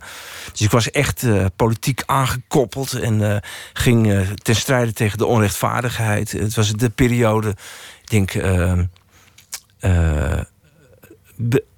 eind jaren 60, begin jaren 70. Vietnam. Uh, die, de onrechtvaardigheid, de Amerikanen, de imperialistische politiek, noem maar op. En dat was echt was... De, de, tijd dat jij, dat jij bewust werd. Ja. Toen, toen ja. jij een jaar of 10, 11, 12 was. Uh. Ja. Ja, dat, dat, heeft me wel gevormd volgens mij. En ik was natuurlijk op zoek naar vrijheid en uh, dat vak. Ik had een, de jongste broer van mijn moeder, Wim Becker. Die is ook al uh, weer een jaar of vijf geleden overleden. Ook niet zo oud trouwens. Maar die heeft mij min of meer een beetje dat paadje naar uh, dat theater en uh, dit vak uh, mee helpen bewandelen. Of althans, die heeft het me laten vinden. Via hem ben ik eigenlijk op die Academie voor Expressie terechtgekomen. En daar kom je bij, bij lotgenoten in de klas. Ik ben eigenlijk begonnen op de etaleurschool. Want mijn vader en moeder hadden zoiets van... het is allemaal leuk met jou, acteur worden en muzikant... maar ga eerst een vak leren. En was het, het alternatief was de etaleurschool. Ja, dat ligt dicht, dicht, bij de automatiek natuurlijk. Een winkel, een, een winkel. zaak, moet een etalage Ja, maar hebben. ook uh, het is een compromis van... je, mag, uh, je moet je centjes verdienen, maar dan met een creatief vak. Nou, ik ben daar min of meer... Ik heb er wel twee jaar gezeten, maar werd er ook snel uitgekieperd. En het jaar dat ik eruit ging, toen was ik wel een nieuwe leerling. Dat begreep ik later pas. Dat was Arjan Edelveen. Die moest van zijn vader en zijn moeder ook... Eerst naar de etaleurschool om een vak te leren. Maar die bleef ook nog maar een jaar. En die ben ik later te tegengekomen op een soort van vormingsklas. Dat heette het CCS in Rijswijk. De, en daar zijn we ook min of meer een beetje bevriend geraakt. we zien elkaar nu eigenlijk nauwelijks meer. Maar dat was het moment dat we gewoon te maken kregen met theater, te, toneel, theateropleidingen en muziek. En, en volgens mij is hetgene wat me er meest in getrokken heeft, altijd toch de soort van vrijheid die je erin had. Terwijl het, het leren spelen, acteren. Was met name op het CCS voor mij helemaal niet makkelijk. Want het is misschien herkenbaar voor, voor mensen die dat een beetje kennen. Is dat het je toe-eigenen van de, van de technieken om een rol te, te, te doen. Dat is, als je jong bent, is het, uh, valt het je toe of zo. En als je je bewust wordt van hoe het werkt, wordt het een stuk ingewikkelder. En dan weet je het niet meer te pakken. Dus die fase, wat je ook met een instrument kunt hebben van je moet een dat soort je nog wat aankloten, gaat het, ja. gaat het heel makkelijk. Ja. En dan daarna wordt het ineens dan moeilijk. word je je bewust en dan denk je van shit, wat sta ik hier te doen? En op een gegeven moment uh, wordt het je toch wat meer eigen. Dat heeft misschien ook met leraren te maken die je krijgt. Of uh, uh, goede studenten die je tegenkomt. Ik heb in het spelen heel veel gehad aan uh, Teunke Houwer. Dat heb ik, die heeft me twee jaar lesgegeven op de Academie voor Expressie.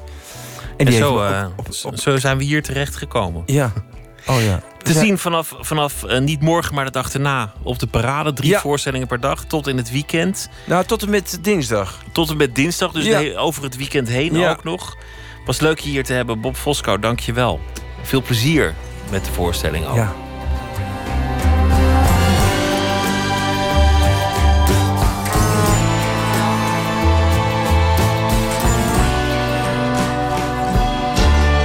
Radio 1, het nieuws van alle kanten.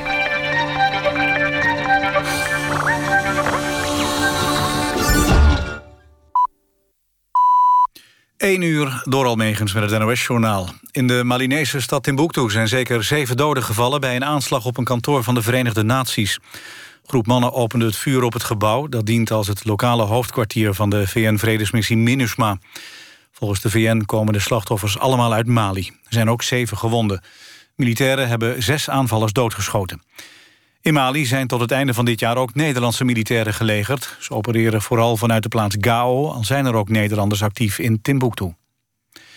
In een Frans dorp ten oosten van Parijs... is een auto op een pizzeria ingereden. Een meisje van 13 is daarbij omgekomen. 13 mensen raakten gewond, van wie vijf ernstig. Een jongetje van drie is in levensgevaar. De automobilist is opgepakt. Hij reed gisteravond het terras op van de pizzeria... en botste tegen de gevel... Volgens de Franse autoriteiten was het geen terroristische daad... maar is de man wel opzettelijk op het gebouw ingereden. Hij zou suïcidaal zijn. De man was waarschijnlijk onder invloed van drugs. Het aantal stalbranden is de laatste jaren toegenomen. Drie jaar geleden waren het er 29. Dat aantal is opgelopen tot 47 vorig jaar. Volgens Brandweer Nederland kwamen in de afgelopen drie jaren...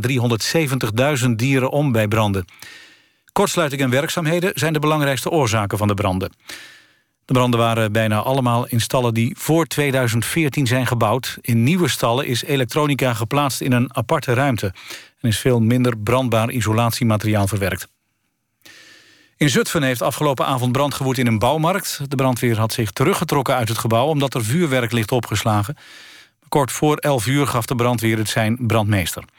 Woordvoerder van de veiligheidsregio zegt dat het vuurwerk... in een beveiligde bunker ligt opgeslagen. Bij de brand in Zutphen is beperkt asbest vrijgekomen.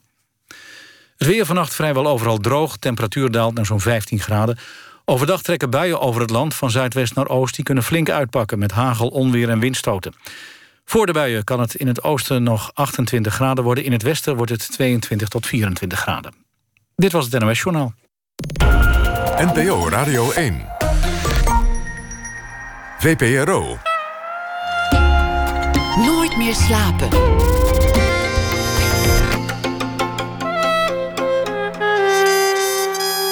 Met Pieter van der Wielen. Maison de Faux is een uh, ontwerpersduo. Ze houden van mode, maar ze haten het systeem dat erachter zit. Zometeen hoort u waarom. En we gaan ook uh, aandacht besteden aan uh, Twin Peaks. En u hoort ook de Wit-Russische schrijver en Nobelprijswinnaar Svetlana Alexievich in de korte documentaire Een nachtberry van nuance. We beginnen dit uur met Janna Loontjes. Zij zal deze week elke nacht een verhaal maken over de dag die achter ons ligt. Ze heeft meerdere romans geschreven en essaybundels. En ze is ook gedebuteerd als dichter in 2001 met de bundels Spectroscoop. En deze week zal ze elke nacht een uh, verhaal maken. Janne Loontjes, goeienacht. Hoi. elke nacht een verhaal uh, van jouw hand. Ik ben benieuwd uh, wat je heeft bezighouden de eerste nacht. Ja, nou ja, ik ben echt net terug uit Frankrijk. Ik had een vreselijke reis met allemaal vertragingen in de trein. rennen van de ene trein naar de andere en dan weer heel lang wachten. Dus het gaat ook wel een beetje daarover, moet ik zeggen. Ja, dat kan ik me voorstellen als je daar de hele dag mee bezig bent geweest. Waar, waar moest je vandaan komen? Uh, uit Châteauroux, of daar vlakbij, ergens midden Frankrijk. Uh, een paar uur of uh, ja, ten zuiden van Parijs. En toen via Parijs terug. Ik ben benieuwd naar het verhaal. Ga je gang. Oké. Okay. De trein glijdt door de velden. Groen, geel, bruin. Erachter het blauw met plukkige wolkenwatten uren vertraging. Bij Orléans is iemand voor de trein gesprongen. Onrust, haast en vertraging. Paniek en kalmte en berusting gaan door me heen. Ik probeer me op de artikelen in Le Monde te concentreren. De Franse woorden hebben een zelfvoldane elegantie. Alsof ze, bijna op een pedante wijze, zichzelf van hun poëtische gelaagdheid bewust zijn. Toch twijfel ik hieraan als ik over Trump lees. C'est une très mauvaise situation. Une situation très dangereuse. Je peux vous le dire, citeert Le Monde Trump over Noord-Korea. Zelfs in het Frans klinkt hij simplistisch en leeg. Het is chockerend dat mijn verbijstering over zijn infantiele taalgebruik de woede over de betekenis ervan kan overschaduwen. Vandaag niets in Le Monde over Charlottesville. Niets over de wezenloosheid van Trumps reactie. Ik kijk uit het raam. Achter het voorbij racende landschap de lucht die niet van zijn plaats wijkt. Een wolk blijft op precies hetzelfde punt in het frame van mijn raam. Juiste dingen op afstand lijken op dezelfde snelheid als de trein te bewegen. Afstand, nabijheid, waar Trump het op zijn manier ook over heeft. Nous avons des troupes dans le monde entier. Parfois très loin. Le Venezuela n'est pas très loin, citeert Le Monde. Nee, Venezuela ligt niet heel ver van Amerika, in elk geval minder ver dan Noord-Korea. Dus een beter doel voor militaire krachtpatserij. Het is de algehele leegte van zijn woorden, de totale afwezigheid van ethisch bewustzijn, de confrontatie van zijn lege onnozelheid met het paniekerige gevoel van haatige verontwaardiging. Wie in godesnaam stopt deze man? Wie stopt de wenteling waarin de wereld terecht is gekomen? Wie? Wie en wanneer? Ja, het is de diepe verontwaardiging over de gapende leegte en de bijbehorende paniek die zo vreselijk alarmerend en apocalyptisch zijn. Het verhaal bij, uh, bij deze zomer, waarin uh, de meeste mensen toch wel nerveus leken te worden over de toestand in de wereld en uh, het spierballen vertoon in de, de ontactische taal. Ja, ben, je, ben, ben jij zenuwachtig? Ja, nou ja, en ik, ik herkende dus ook een beetje dat gevoel, die mengeling van stress en verbijstering. En ook de machteloosheid en een soort van, nou, dit kan gewoon niet waar zijn. En ook het weten dat je het wel serieus moet nemen, dat herkende ik ook een beetje in mijn situatie in de trein. Hoe, hoe uh, uh, ja, een vreemde vergelijking misschien, maar uh, nou ja, goed, dat... Het kwam bij elkaar vandaag. Ja, ja. Ik liep door de stad en de eerstejaarsstudenten die kwamen binnen. Die kregen allemaal hesjes en, en petjes op. En die moesten zich oriënteren op de toekomst. En ik vond het ook geruststellend. Dat, dat er gewoon nog mensen zijn die beginnen aan een studie en een toekomst. En zich gaan Ja. verdiepen in dingen. Die dat de boeken, dingen nog gewoon doorgaan. die boeken gaan Ja. lezen. Die nuances gaan aanleren. Nou, beslist, inderdaad. Daar ben ik het helemaal mee eens. Het deed bijna ouderwets voor. Maar tegelijk vond, vond ik het ook een enorme opluchting. ja, snap ik. Ik vind het ook een enorme opluchting om gewoon weer hier thuis te zijn nu, na deze reis. Ja, dat kan ik me ook voorstellen. Janna, dank je wel. Tot morgen. Ja, Goeienacht. tot morgen. Oké, doei.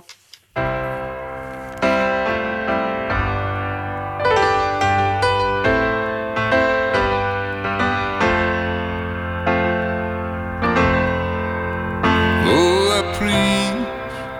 to the choir. I'm so lonely, lonely,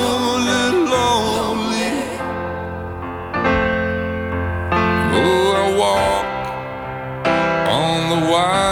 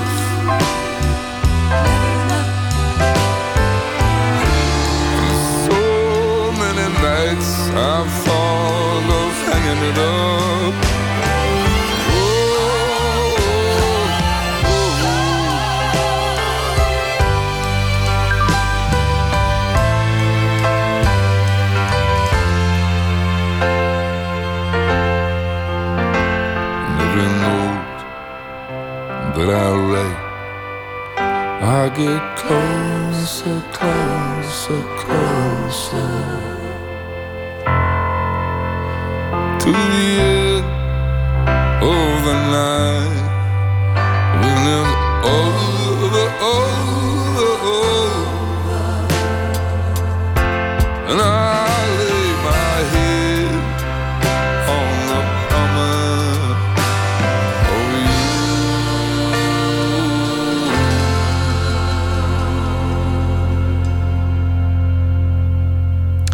Sean Rowe met eh, Promise of You.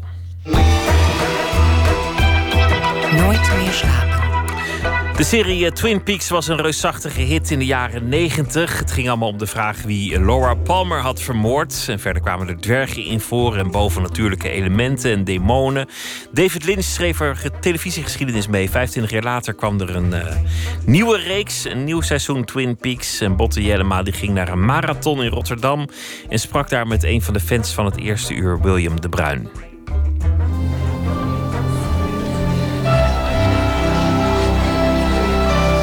De aftiteling van Twin Peaks in bioscoop Kino in Rotterdam.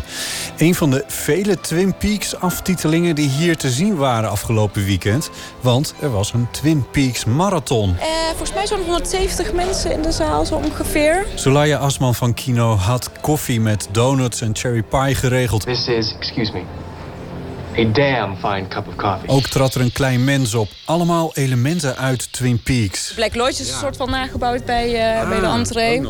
Ja. Ja, dus je hebt echt even je best gedaan om het even goed aan te kleden. Ja. Eh, het is ook niet niks waar zij zich in storten. Want ze zijn hier om 1 uur op de zaterdagmiddag begonnen. ja. En vanavond tot 11. Tot 10 uur zijn we ongeveer hier in de zaal eh afleveringen aan het kijken van seizoen 1 loopt dan En af. dan morgen. Eh, ja, dan hebben we eerst nog s'avonds een afterparty hier in de foyer. En dan morgen om 12 uur beginnen we weer en dan gaan we tot 9 uur s'avonds door. En ik denk dat het wel echt een van de meest populaire series ooit is, inderdaad. Ja. Ja. Je hoeft dit voor Mad Men nog niet te organiseren. maar- Nog niet, denk ik, nee. Maar eh, Twin Peaks is natuurlijk ook... Ja, heeft series gewoon veranderd. Het is... ehm, Door het succes van Twin Peaks zijn er series zoals Mad Men en True Detective eh, ontstaan. Ze zijn wel heel erg beïnvloed eh, door deze serie. Ja. In de zaal twintigers en dertigers. Slechts een paar oudere gezichten. 170 mensen waren feitelijk het hele weekend Twin Peaks aan het kijken. We zijn een soort van fan. Een soort van fan. Mijn moeder heeft het vroeger gekeken. Ik was een heel groot deel vergeten, eerlijk gezegd. Want het is af en toe heel grappig, het is heel spannend.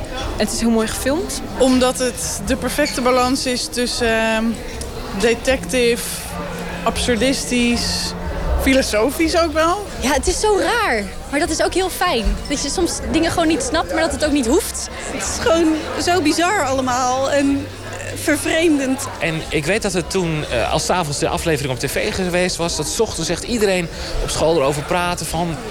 Er was echt iets bijzonders op tv, er was iets geks van... nou, dit moet je zien, want er gebeurt iets, dat heb je nog nooit gezien. En niemand snapte het, Nee. eh, maar we vonden het allemaal wel, eh, wel heel bijzonder.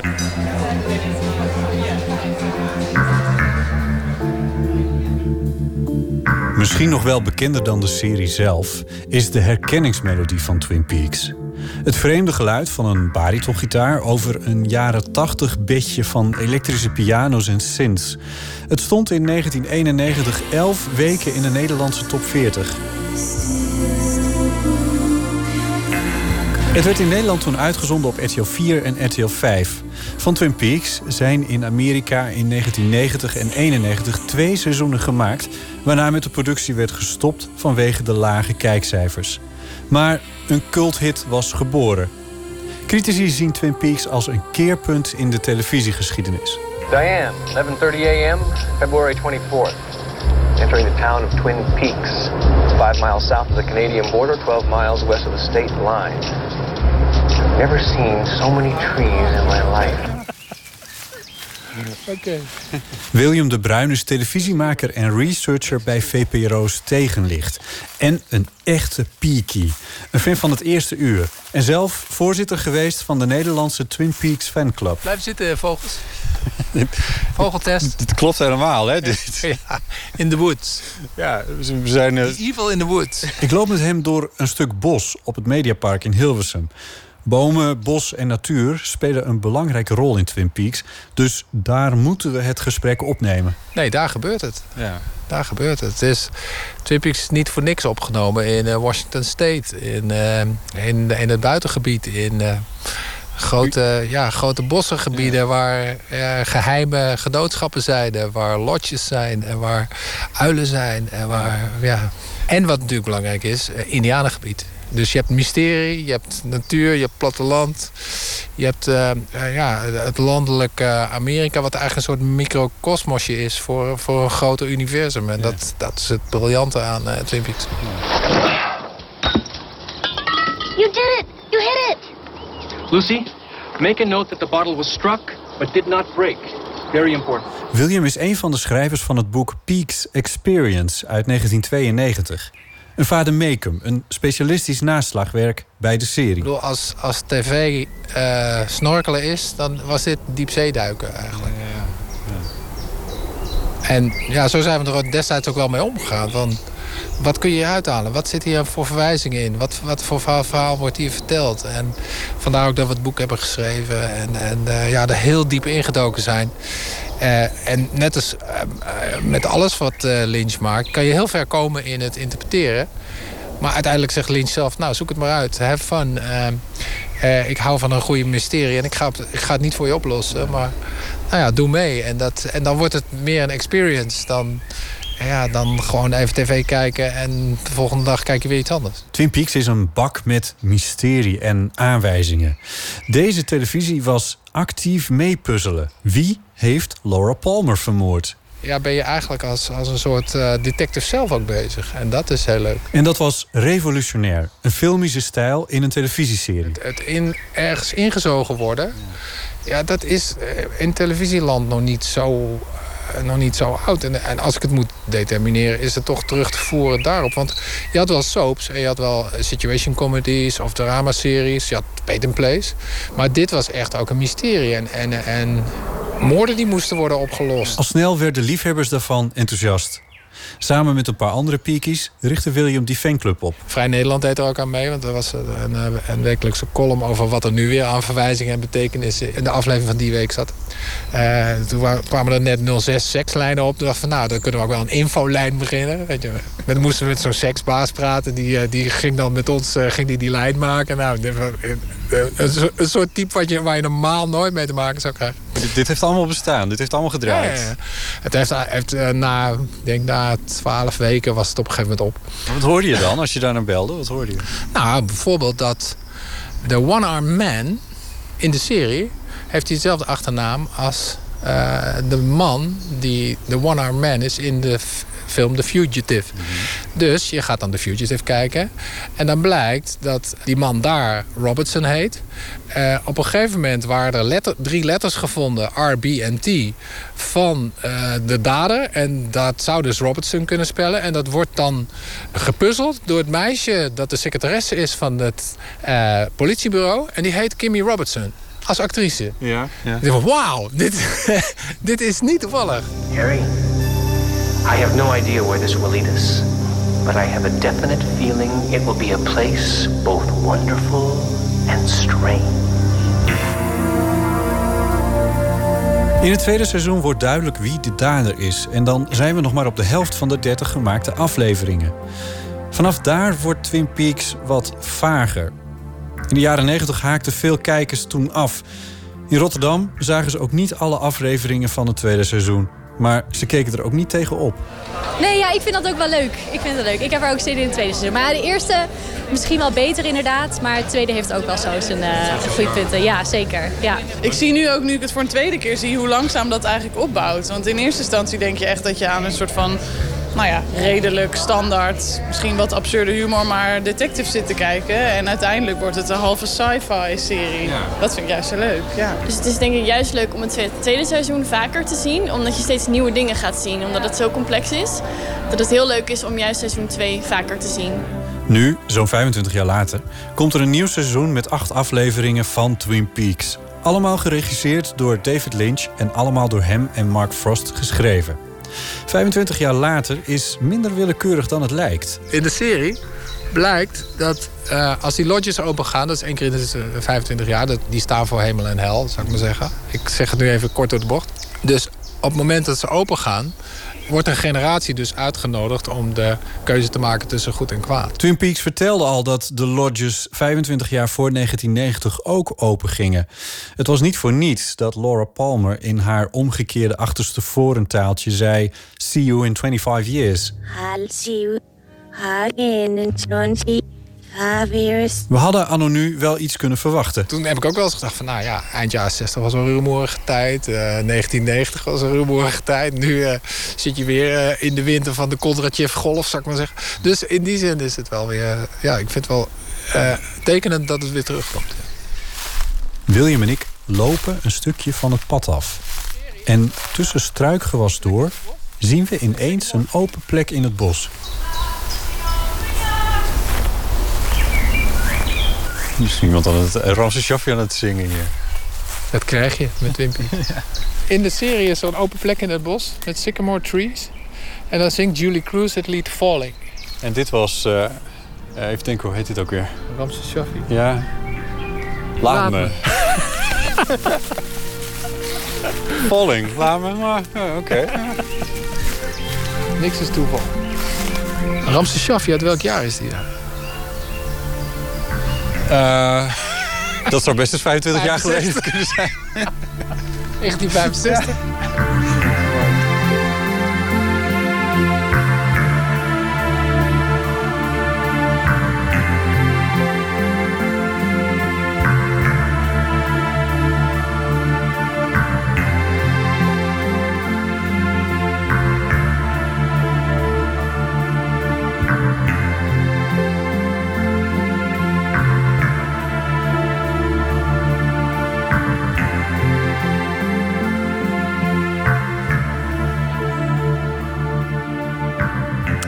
Botte Jellema in gesprek met eh, Twin Peaks-fan William de Bruin.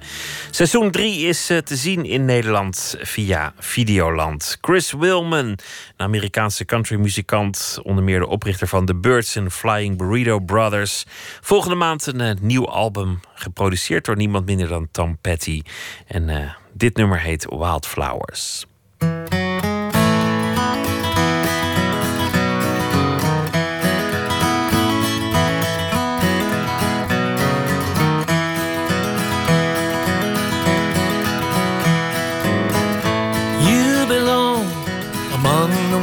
Wildflowers. You belong in a boat out at sea. Sail away, kill off the hours. You belong somewhere you feel free.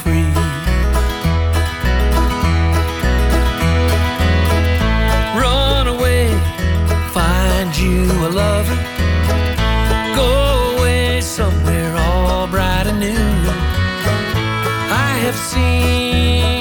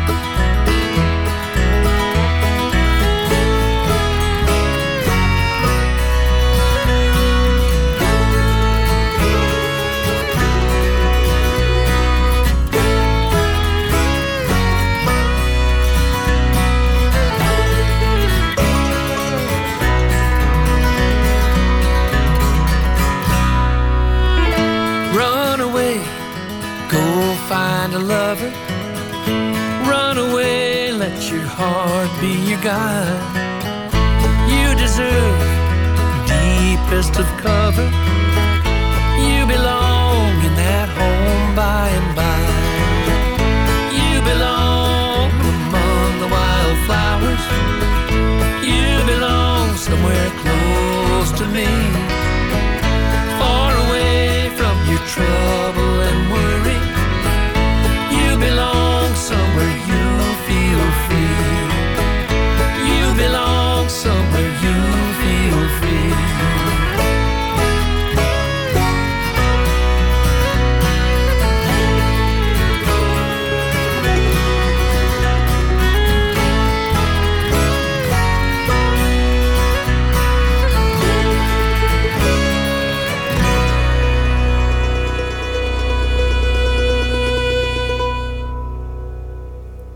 Een nummer oorspronkelijk van Tom Petty en uh, dit keer door Chris Hillman. En zijn nieuwe album zal heten Biding My Time. Ontwerpersduo Maison de Faux houdt wel van een uh, geintje. Door alle theater tijdens hun uh, catwalk shows zou je bijna vergeten dat er ook uh, kleding bij betrokken is. En dat is ook precies de bedoeling. Niet dat ze hun creaties niet willen verkopen, maar het gaat ook om het verhaal dat ze willen vertellen. En dat is een verhaal dat de modewereld niet altijd wil horen. Verslaggever Eliane Meijer kon de boodschap alvast waarderen. Wat je ziet bij een modeshow mag duidelijk zijn. Als je op de eerste rij zit, dan trekt een hele stoet onverstoorbaar kijkende modellen in de nieuwste modellen aan je voorbij. En als je elders zit, dan zie je ook heel veel achterhoofden. Maar wat hoor je? Er bestaat zoiets als catwalkmuziek, inmiddels een apart genre en groot geworden door namen als Tom York, Mia of Soulwax. En als je online gaat kijken, hoor je bij de grote modehuizen zoiets. Zoals deze van Armani, de herfst-wintercollectie van 2016. Of deze van Kenzo voor 2017. Of Dior Homme, zomer 2018. En deze, van Maison de Faux. Juist. Hello. Yes. You. Maison de Faux. Een ontwerpersduo uit Arnhem dat de dingen net even anders doet. Ze zijn net een paar jaar bezig, maar hun fictieve mode-imperium groeit. Hun shows zijn extravagante performances en nooit gaat het ze alleen om de kleding. Ze houden de modewereld ook graag een spiegel voor. Kijk, dat is nu al enorm aan het veranderen. Maar toen we net begonnen, toen zag je echt maar heel weinig collecties waarin jong, oud, dik, dun, wit, donker, alles door elkaar heen liep. En wij hadden, dat was wel een heel belangrijk punt vanaf het begin af aan. Is dat op het moment dat je mensen zo heel erg gaat inkaderen in doelgroepen en zo heel erg gaat bepalen: dit is alleen voor jou en niet voor een ander, dat daar toch heel veel narigheid uit voorkomt. Tessa de Boer, de ene helft van het duo, doet het woord. Joris Suk, de andere helft, heeft het te druk met het voorbereiden van een show voor de Amsterdam Fashion Week. Volgende week. Als je dan kijkt naar um, onze laatste collectie die we dan gepresenteerd hebben in New York, die heette dan Faux Cosmetics. En die hadden we dan helemaal met allerlei referenties naar de cosmetica en make-up industrie. En ging het heel erg over um, ja, een soort van echt jezelf kunnen zijn, maar toch ook een soort van de neppe valsheid daaraan. Dus wat ook heel erg in make-up zit. I can see that you want something more. Mais qu'est-ce que c'est? Something more than you know. Je suis intriguée. Something faux. Door make-up kan je een masker opwerpen, en, maar ook juist heel erg jezelf zijn. En dat zat er dan als thematiek. Plus de kitsch van make-up, maar ook um, de ijdelheid en het narcisme en de ego's. En dat zijn allemaal dingen waar we ja, een beetje mee spelen in zo'n show. En um, we hadden het dan aangekondigd als de Focus Medic Show. Mensen ik heb een paar belletjes gekregen. Waar kan ik die lippenstiften krijgen? en zo, ja, wacht maar even. En uiteindelijk gooien we dan modellen de catwalk op met uitgelopen gezichten. Die um, wel in hele soort van glam kleding met vuilniszakken de catwalk opgaan. Het gaat heel erg om dat spelen met en, en het een beetje ontwrichten. En ik denk dat dat het dan ook spannend maakt. En daardoor denk ik dan in New York verfrissend. Waardoor ze zeggen, hey, nou, daar willen we meer van zien. Ja. We begin with beige. We zitten in de tuin van het Centraal Museum in Utrecht. Het museum dat al 100 jaar mode archiveert en tentoonstelt.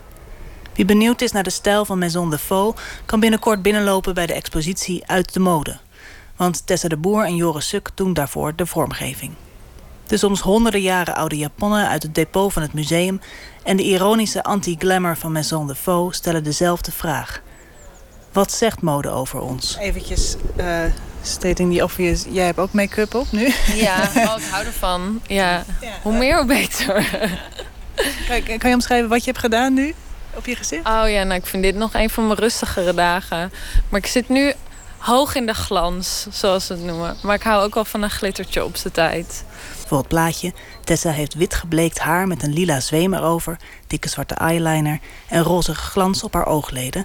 En ze draagt zoals veel mensen die professioneel met mode bezig zijn, ja, ik denk, zwart. Ik denk, um, ik denk met make-up en, en, kleding, wat het, zo, wat het denk ik voor mij en Joris, mijn uh, partner in crime, uh, waarom kleding dan zo trekt. Als je dan zegt van ja, waarom dan mode of zo? Of, en mode en make-up vind ik dan vergelijkbaar, is omdat het zo gaat over een, een, een iemand. Weet je wel, je kan, je kan een identiteit en een imago van iemand helemaal een soort van vorm geven. En je kan, ja, je kan echt een soort van superheld van iemand maken. Dus ja, ga ervoor, make-up erop, gek pakje aan en gaan.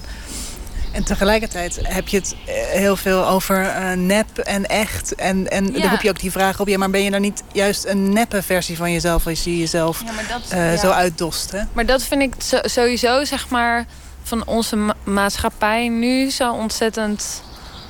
Ja, alles is zo ontzettend tweestrijd. Niks is echt zwart of wit, zeg maar. Dus het is ook altijd een beetje de vraag: zo van wat is nou echt, wat is nep? Het is meer een soort van dat spanningsveld opzoeken, zeg maar. Van waar zit dat dan? In plaats van dat ik echt antwoord probeer te vinden op de vraag van wat is nou echt of wat is nou nep. Juist wanneer is het een soort van dat de realiteit een dubbele, dubbele laag krijgt. Ik moet ook denken aan jullie streven om het onderscheid tussen man en vrouw op te heffen. Ja. ja. Ja, maar ik denk dat dat echt heel belangrijk is. Mega belangrijk is. Er is op zoveel vlakken nog, nog zo ontzettend veel ongelijkheid. En kleding of uiterlijke kenmerken wordt heel erg gebruikt ook, voor mijn gevoel, op dit moment om die ongelijkheid heel erg aan te geven. En op het moment dat al die regels worden doorbroken, ehm, ja, is het denk ik echt heel veel makkelijker om op gelijke voet met elkaar te staan. Elke mannelijke politicus kan er gewoon in een grijs pak hartstikke dik en lelijk bijlopen.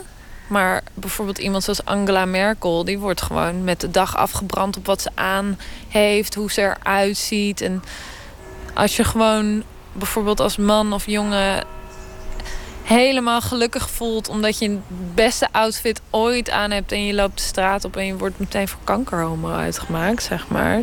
Niet heel raar, gebeurt best vaak. Ja, dat, eh, dat vind ik wel erg. Hippiekritiek, zo noemt ze het zelf. Make love, not war. Iedereen gelijk. En begin met geen oordeel te vellen over andermans kleding. Maar de mode is tegelijkertijd altijd het strijdtoneel geweest van de twee verlangens van de mens: bij de groep willen horen en uniek willen zijn. We willen zo graag een oordeel. Dit is een soort eh, snoepdoos. Met Roze folie. roze. Ja, precies. En kroonluchters. Precies. Wauw, ja, glamour. Ja, dit is echt een soort uh, glamourzaal. en eh, nu branden de grote lichten nog. Maar straks met, eh, met de kroonluchters krijgt het echt eh, een hele hoop sfeer. Ook hier zie je denk ik duidelijk het handschrift van, eh van Maison de Vaux. Wat we trouwens horen is eh, de, Ja, precies. eh, de hoogwerker die hier rondzoomt. Maar het, het geeft een heel gek sfeertje meteen. In het museum staan roerloze, nog hoofdloze jurken uit de 18e en de 19e eeuw. Zij aan zij met creaties van ontwerpers als Jan Terminio en Matthijs van Bergen. Modeconservator Nienke Bloemberg, zelf gekleed in een zwarte kuitlange wijde broek, een witte blouse en instappers met een subtiel glittertje, laat een panier zien. Een jurk als een chique tent. Daarvan blijf je eh, je verrassen. Deze heeft enorme heupen die ongeveer, nou, misschien net door een deur passen. Nou, misschien net niet. Of misschien net Die niet. moet- die moet overdwars door de deur dwars. Ja. En eh, ja, dit is eh, ja, typisch de mode van ongeveer 1760. En eh, ze hadden dus allerlei kussentjes eh, rondom hun heupen om dat model te krijgen. En eh, een hele slanke taille. En daarvan blijf je toch ehm, ja, verwonderen. Van hoe, hoe moet dat gevoeld hebben ehm, om dat aan te hebben. Ja, en ik moet eerlijk zeggen, ik heb één keer zelf replica's van verschillende soorten corsetten en, en lijfjes geprobeerd bij een modemuseum in, in Bath. En eh, ik merkte toen wel wat het ook met je, met je houding doet. Als je, een, eh, als je het niet al te strak inrijgt, maar wel gewoon... eh, gaat ja, je gaat rechtop staan. staan. En, ehm, en het geeft ook een bepaalde houvast. Dus, Maar ja, dus- dames vielen ook bij Bosjes flauw, toch? ja, ik moet zeggen, veel van die verhalen zijn een deels wel overdreven. Maar goed, het, er zijn wel extreme gevallen bekend natuurlijk. En ook als ik hier sommige tailles zie, ja, die zijn niet meer dan zeven, ja, 57 centimeter. Dat is echt, ze knakken nog net niet door midden.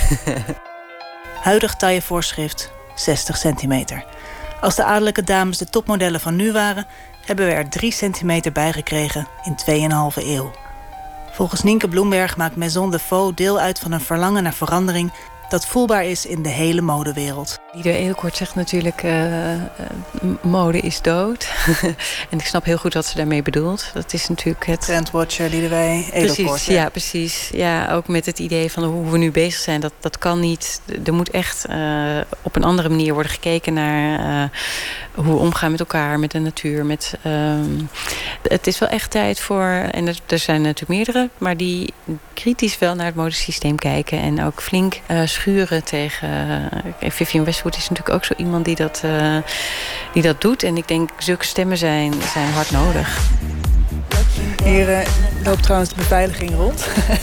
en wat me daaraan herinnert dat um, je natuurlijk ook een totaal andere kledingstijl kan hebben. Nou, bijvoorbeeld uniformen het ontslaat je een beetje van het moeten nadenken over... ja, maar wie ben ik dan en wat wil ik dan en wat wil ik dan uitstralen? En is dat nou wel precies wat ik wil uitstralen of juist weer net niet? Ik wil al die soort van ook puberale uh, onzekerheden. Ja, maar dan, dan ben je dus inderdaad gewoon nog aan het puberen. Dan weet je gewoon nog niet wie je bent. Dat is een soort van een hele strale pleister op de wond... om dan maar een uniform aan te trekken, toch? Je hoeft het niet in een beige uniform te stoppen. Want als je het hebt over uniformen... Nou ja, we dragen echt allemaal spijkerbroeken en eigenlijk hetzelfde. Dus het is er misschien ook al wel dat we nu allemaal een uniform aan hebben. En dat doet de camera onherroepelijk toch even naar mij zwenken. Spijkerbroek, bruin t-shirt, sandalen. Best wel mezelf, denk ik.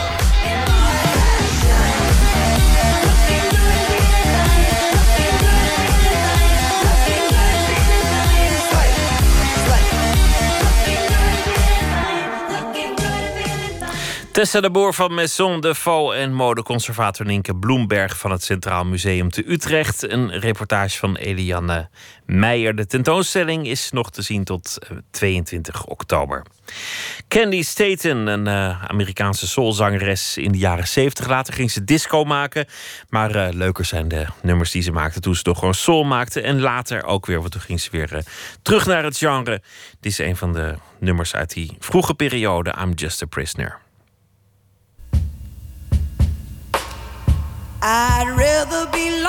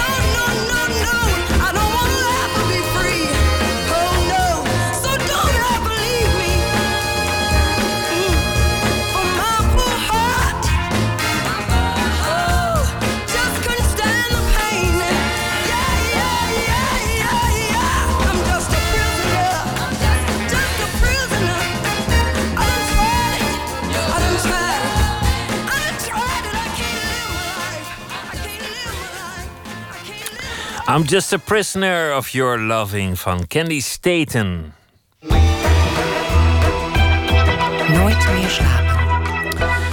Wie Rusland en de Russen wil begrijpen, doet er goed aan boeken te lezen van Svetlana Alexievich. En uh, gewapend met een cassetterecorder zoekt ze al decennia naar de waarheid in een land waar de machthebbers juist alles doen om de waarheid te verbergen. In 2015 kreeg ze de Nobelprijs voor de literatuur. Tijdens een bezoek aan Nederland sprak Emmy Colau haar over haar zoektocht naar de waarheid. En ze maakte daar een korte documentaire over. Een nachtmerrie van nuance.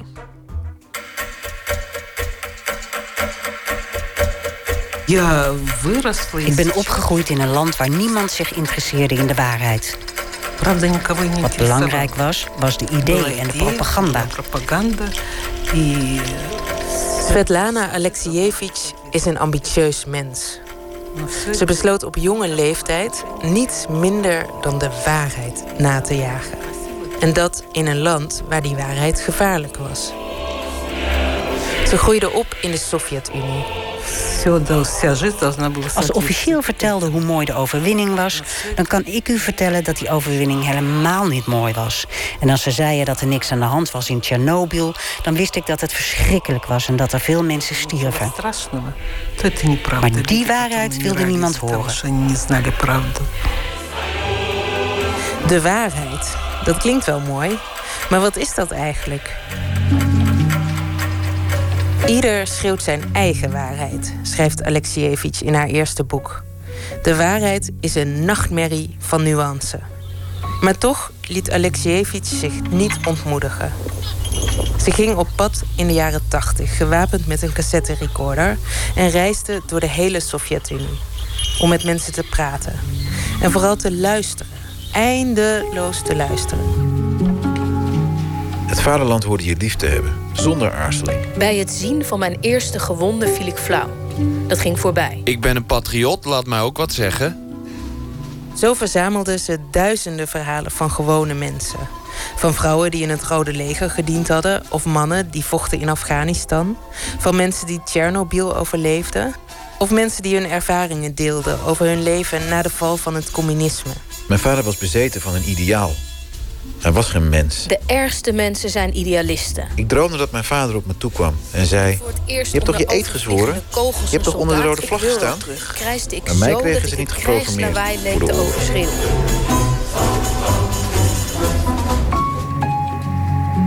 Ja, hoe zou ik het zeggen? Het is eigenlijk een soort collage van stemmen. Ze zegt ook altijd, ik wil stemmen laten horen. Michel Krielaars. Hij is voormalig correspondent in Rusland en chef boeken bij NRC Handelsblad. Hij kent Svetlana Alexievich en haar werk goed. Het is een soort bijbel. Je kan het op een willekeurige pagina uh, openslaan, een stuk lezen en dan nadenken over de condition humaine. Uiteindelijk hoor je een soort Grieks koor, als in een tragedie. En dat is het geluid van een, van een tijdperk. En uit het geluid klinken voortdurend schoten. Ja, want ze zegt ook zelf voortdurend van in mijn boeken hebben mensen het alleen maar over fusilleren, doodschieten, kapotmaken, martelen. En dat is natuurlijk de Russische geschiedenis door de eeuwen heen. Utsett årets Nobelpristagare i... Afgelopen jaar won Svetlana Alexievich de Nobelprijs voor de literatuur. Svetlana Alexievich. En werd daarmee, zoals dat dan gaat, in één klap onsterfelijk. Ik ontmoet haar in het ambassadehotel in Amsterdam en tref een bescheiden vrouw. Ze woont ook nog steeds in haar tweekamerfletje in Minsk. Ze praat rustig maar resoluut. En ze drinkt cappuccino. Ik ben opgegroeid in een dorp. Daar werd alleen maar over de oorlog gesproken. En dan vooral over de overwinning. Dat wat ik op straat hoorde over de oorlog vond ik altijd heel interessant. En dat verschilde enorm van wat ik op school leerde en wat er in de kranten stond. Dat was natuurlijk gewoon propaganda.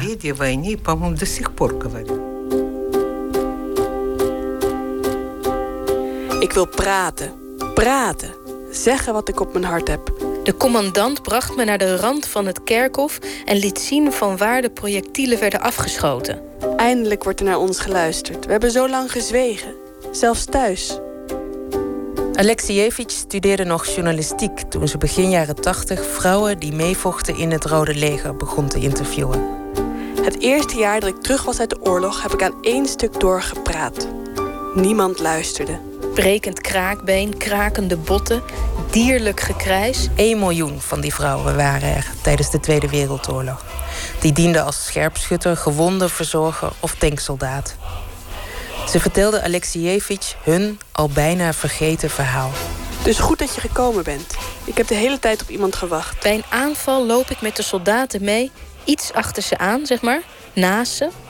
Ik zie alles van dichtbij. Ik was 15. Mijn zus 14. Mannen die elkaar overhoop steken, elkaar afmaken, afbreken. Wat ik het ergste vond, was het dragen van mannenonderbroeken. Elkaar de bajonet in de mond steken, in een oog, in het hart, in de buik. Dat is hoe beschrijf ik dat? Maar wie gaat er na zo'n boek nog vechten? vroeg de censor aan Alexievich toen zij hem haar boek voorlegde. U moet heldhaftige voorbeelden geven, maar u laat het vuil van de oorlog zien, het ondergoed. Waar streeft u naar? Naar de waarheid, antwoordde Alexievich. Waar haalden ze die moed vandaan? Я не знаю. Ik kan niet zeggen waar het nou vandaan komt, maar dat heb ik altijd gehad, die drive. Van jongs af aan is tegen me gezegd dat ik zo'n soort mannelijk karakter heb. Een mannelijk karakter? Mooi karakter. Ja, het zit echt in mijn karakter. Mijn vriendinnen hebben altijd gezegd: je hebt een mannelijk karakter. Waar andere vrouwen zich misschien hadden overgegeven en gestopt waren, ben ik altijd gewoon doorgegaan. Het maakt mij niet uit of het om mijn vrienden gaat of om Lukashenko en Poetin. Ik zeg altijd mijn mening. En als je geen sterk karakter hebt, dan heb je in ons beroep niks te zoeken. Haar boek De oorlog heeft geen vrouwengezicht kwam aanvankelijk niet door de censuur. In 1985, onder Gorbachev, komt het vervolgens alsnog uit. En wordt een enorme bestseller in de Sovjet-Unie. Toen dat boek uitkwam in 1985, toen snakten mensen natuurlijk naar de waarheid. omdat ze al die tijd niet hadden geweten wat er nou echt gebeurd was onderstaan. Dus boeken over die periode, die vlogen echt als uh, zoete broodjes over de toonbank Сограждане, в силу сложившейся ситуации 1991, het einde van de Sovjet-Unie. De rode vlag met hamer en sikkel wappert niet meer op het Kremlin in Moskou. Hij is verdwenen en de Sovjet-Unie heeft plaatsgemaakt voor een gemene best van onafhankelijke staten. Ja, покидаю свой пост. Gorbachev spreekt zijn hoop uit voor de toekomst. Een hoop die Alexievich deelde. Maar de perestroika bracht uiteindelijk niet wat ze ervan hoopte. Onder Poetin keert Rusland terug naar de 50er en 60er jaren. Opnieuw worden zogenaamde spionnen ontmaskerd. Mensen worden gevangen gezet, de KGB luistert af, mensen verraden elkaar. En het is allemaal weer zoals vroeger. Wij, die in de perestroika geloofden, ervaren dat als een nederlaag. Poetin heeft ons geloof om zeep geholpen.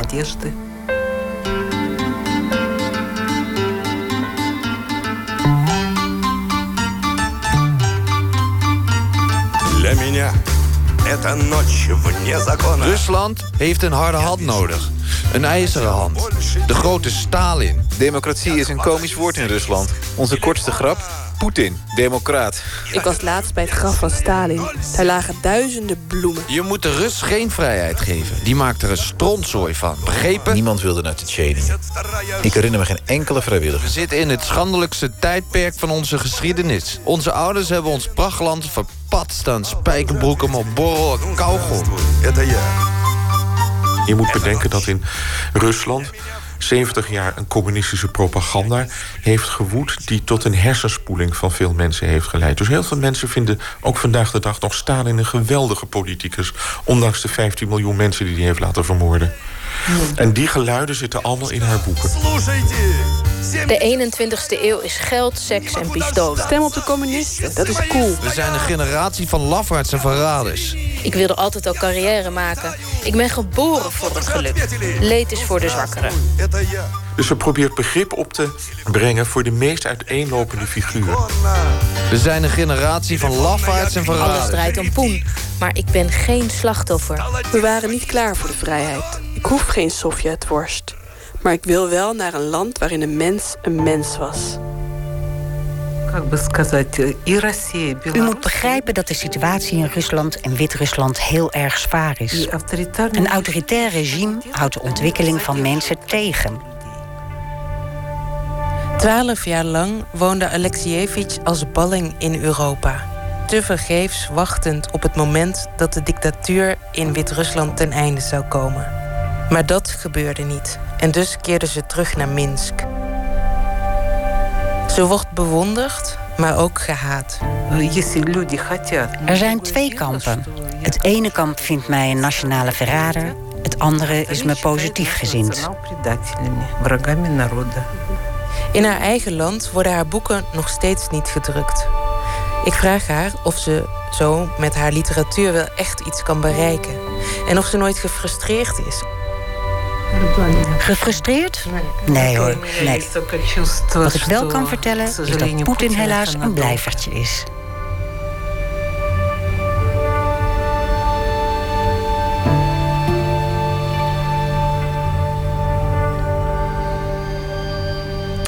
Een korte documentaire over Nobelprijs voor de literatuurwinnaar Svetlana Alexievich. En zij schreef onder meer Het einde van de rode mens en de oorlog heeft geen vrouwengezicht. Deze documentaire werd gemaakt door Emmy Colau. War on Drugs heeft een uh, nieuw album uit en dit is de single Pain.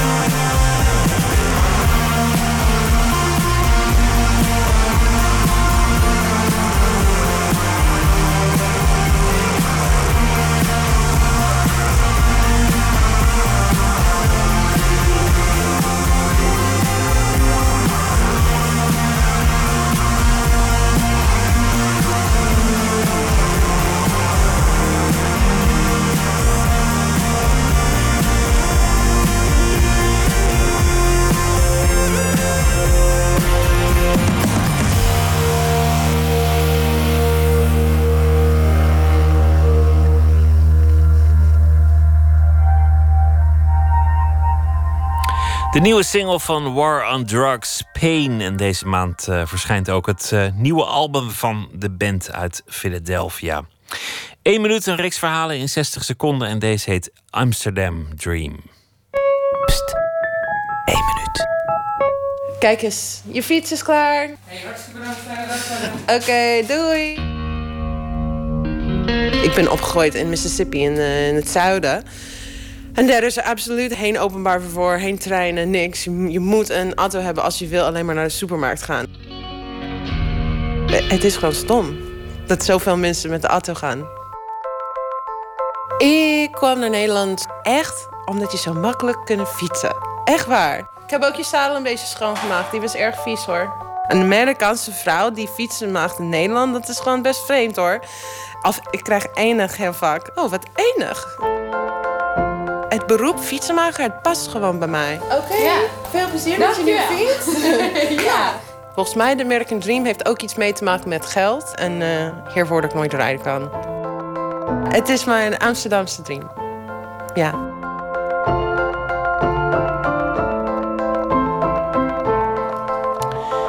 Eén minuut, gemaakt door Laura Stek. Morgen in Nooit meer slapen komt Katinka Polderman op bezoek.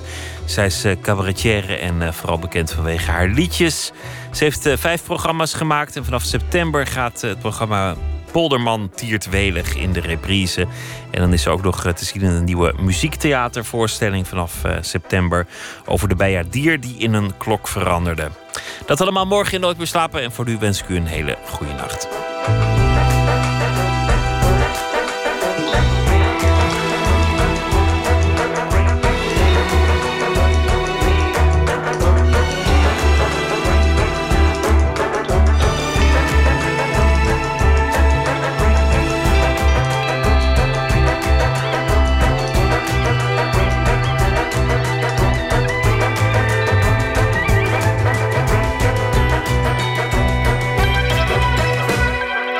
Radio 1. Het nieuws van alle kanten.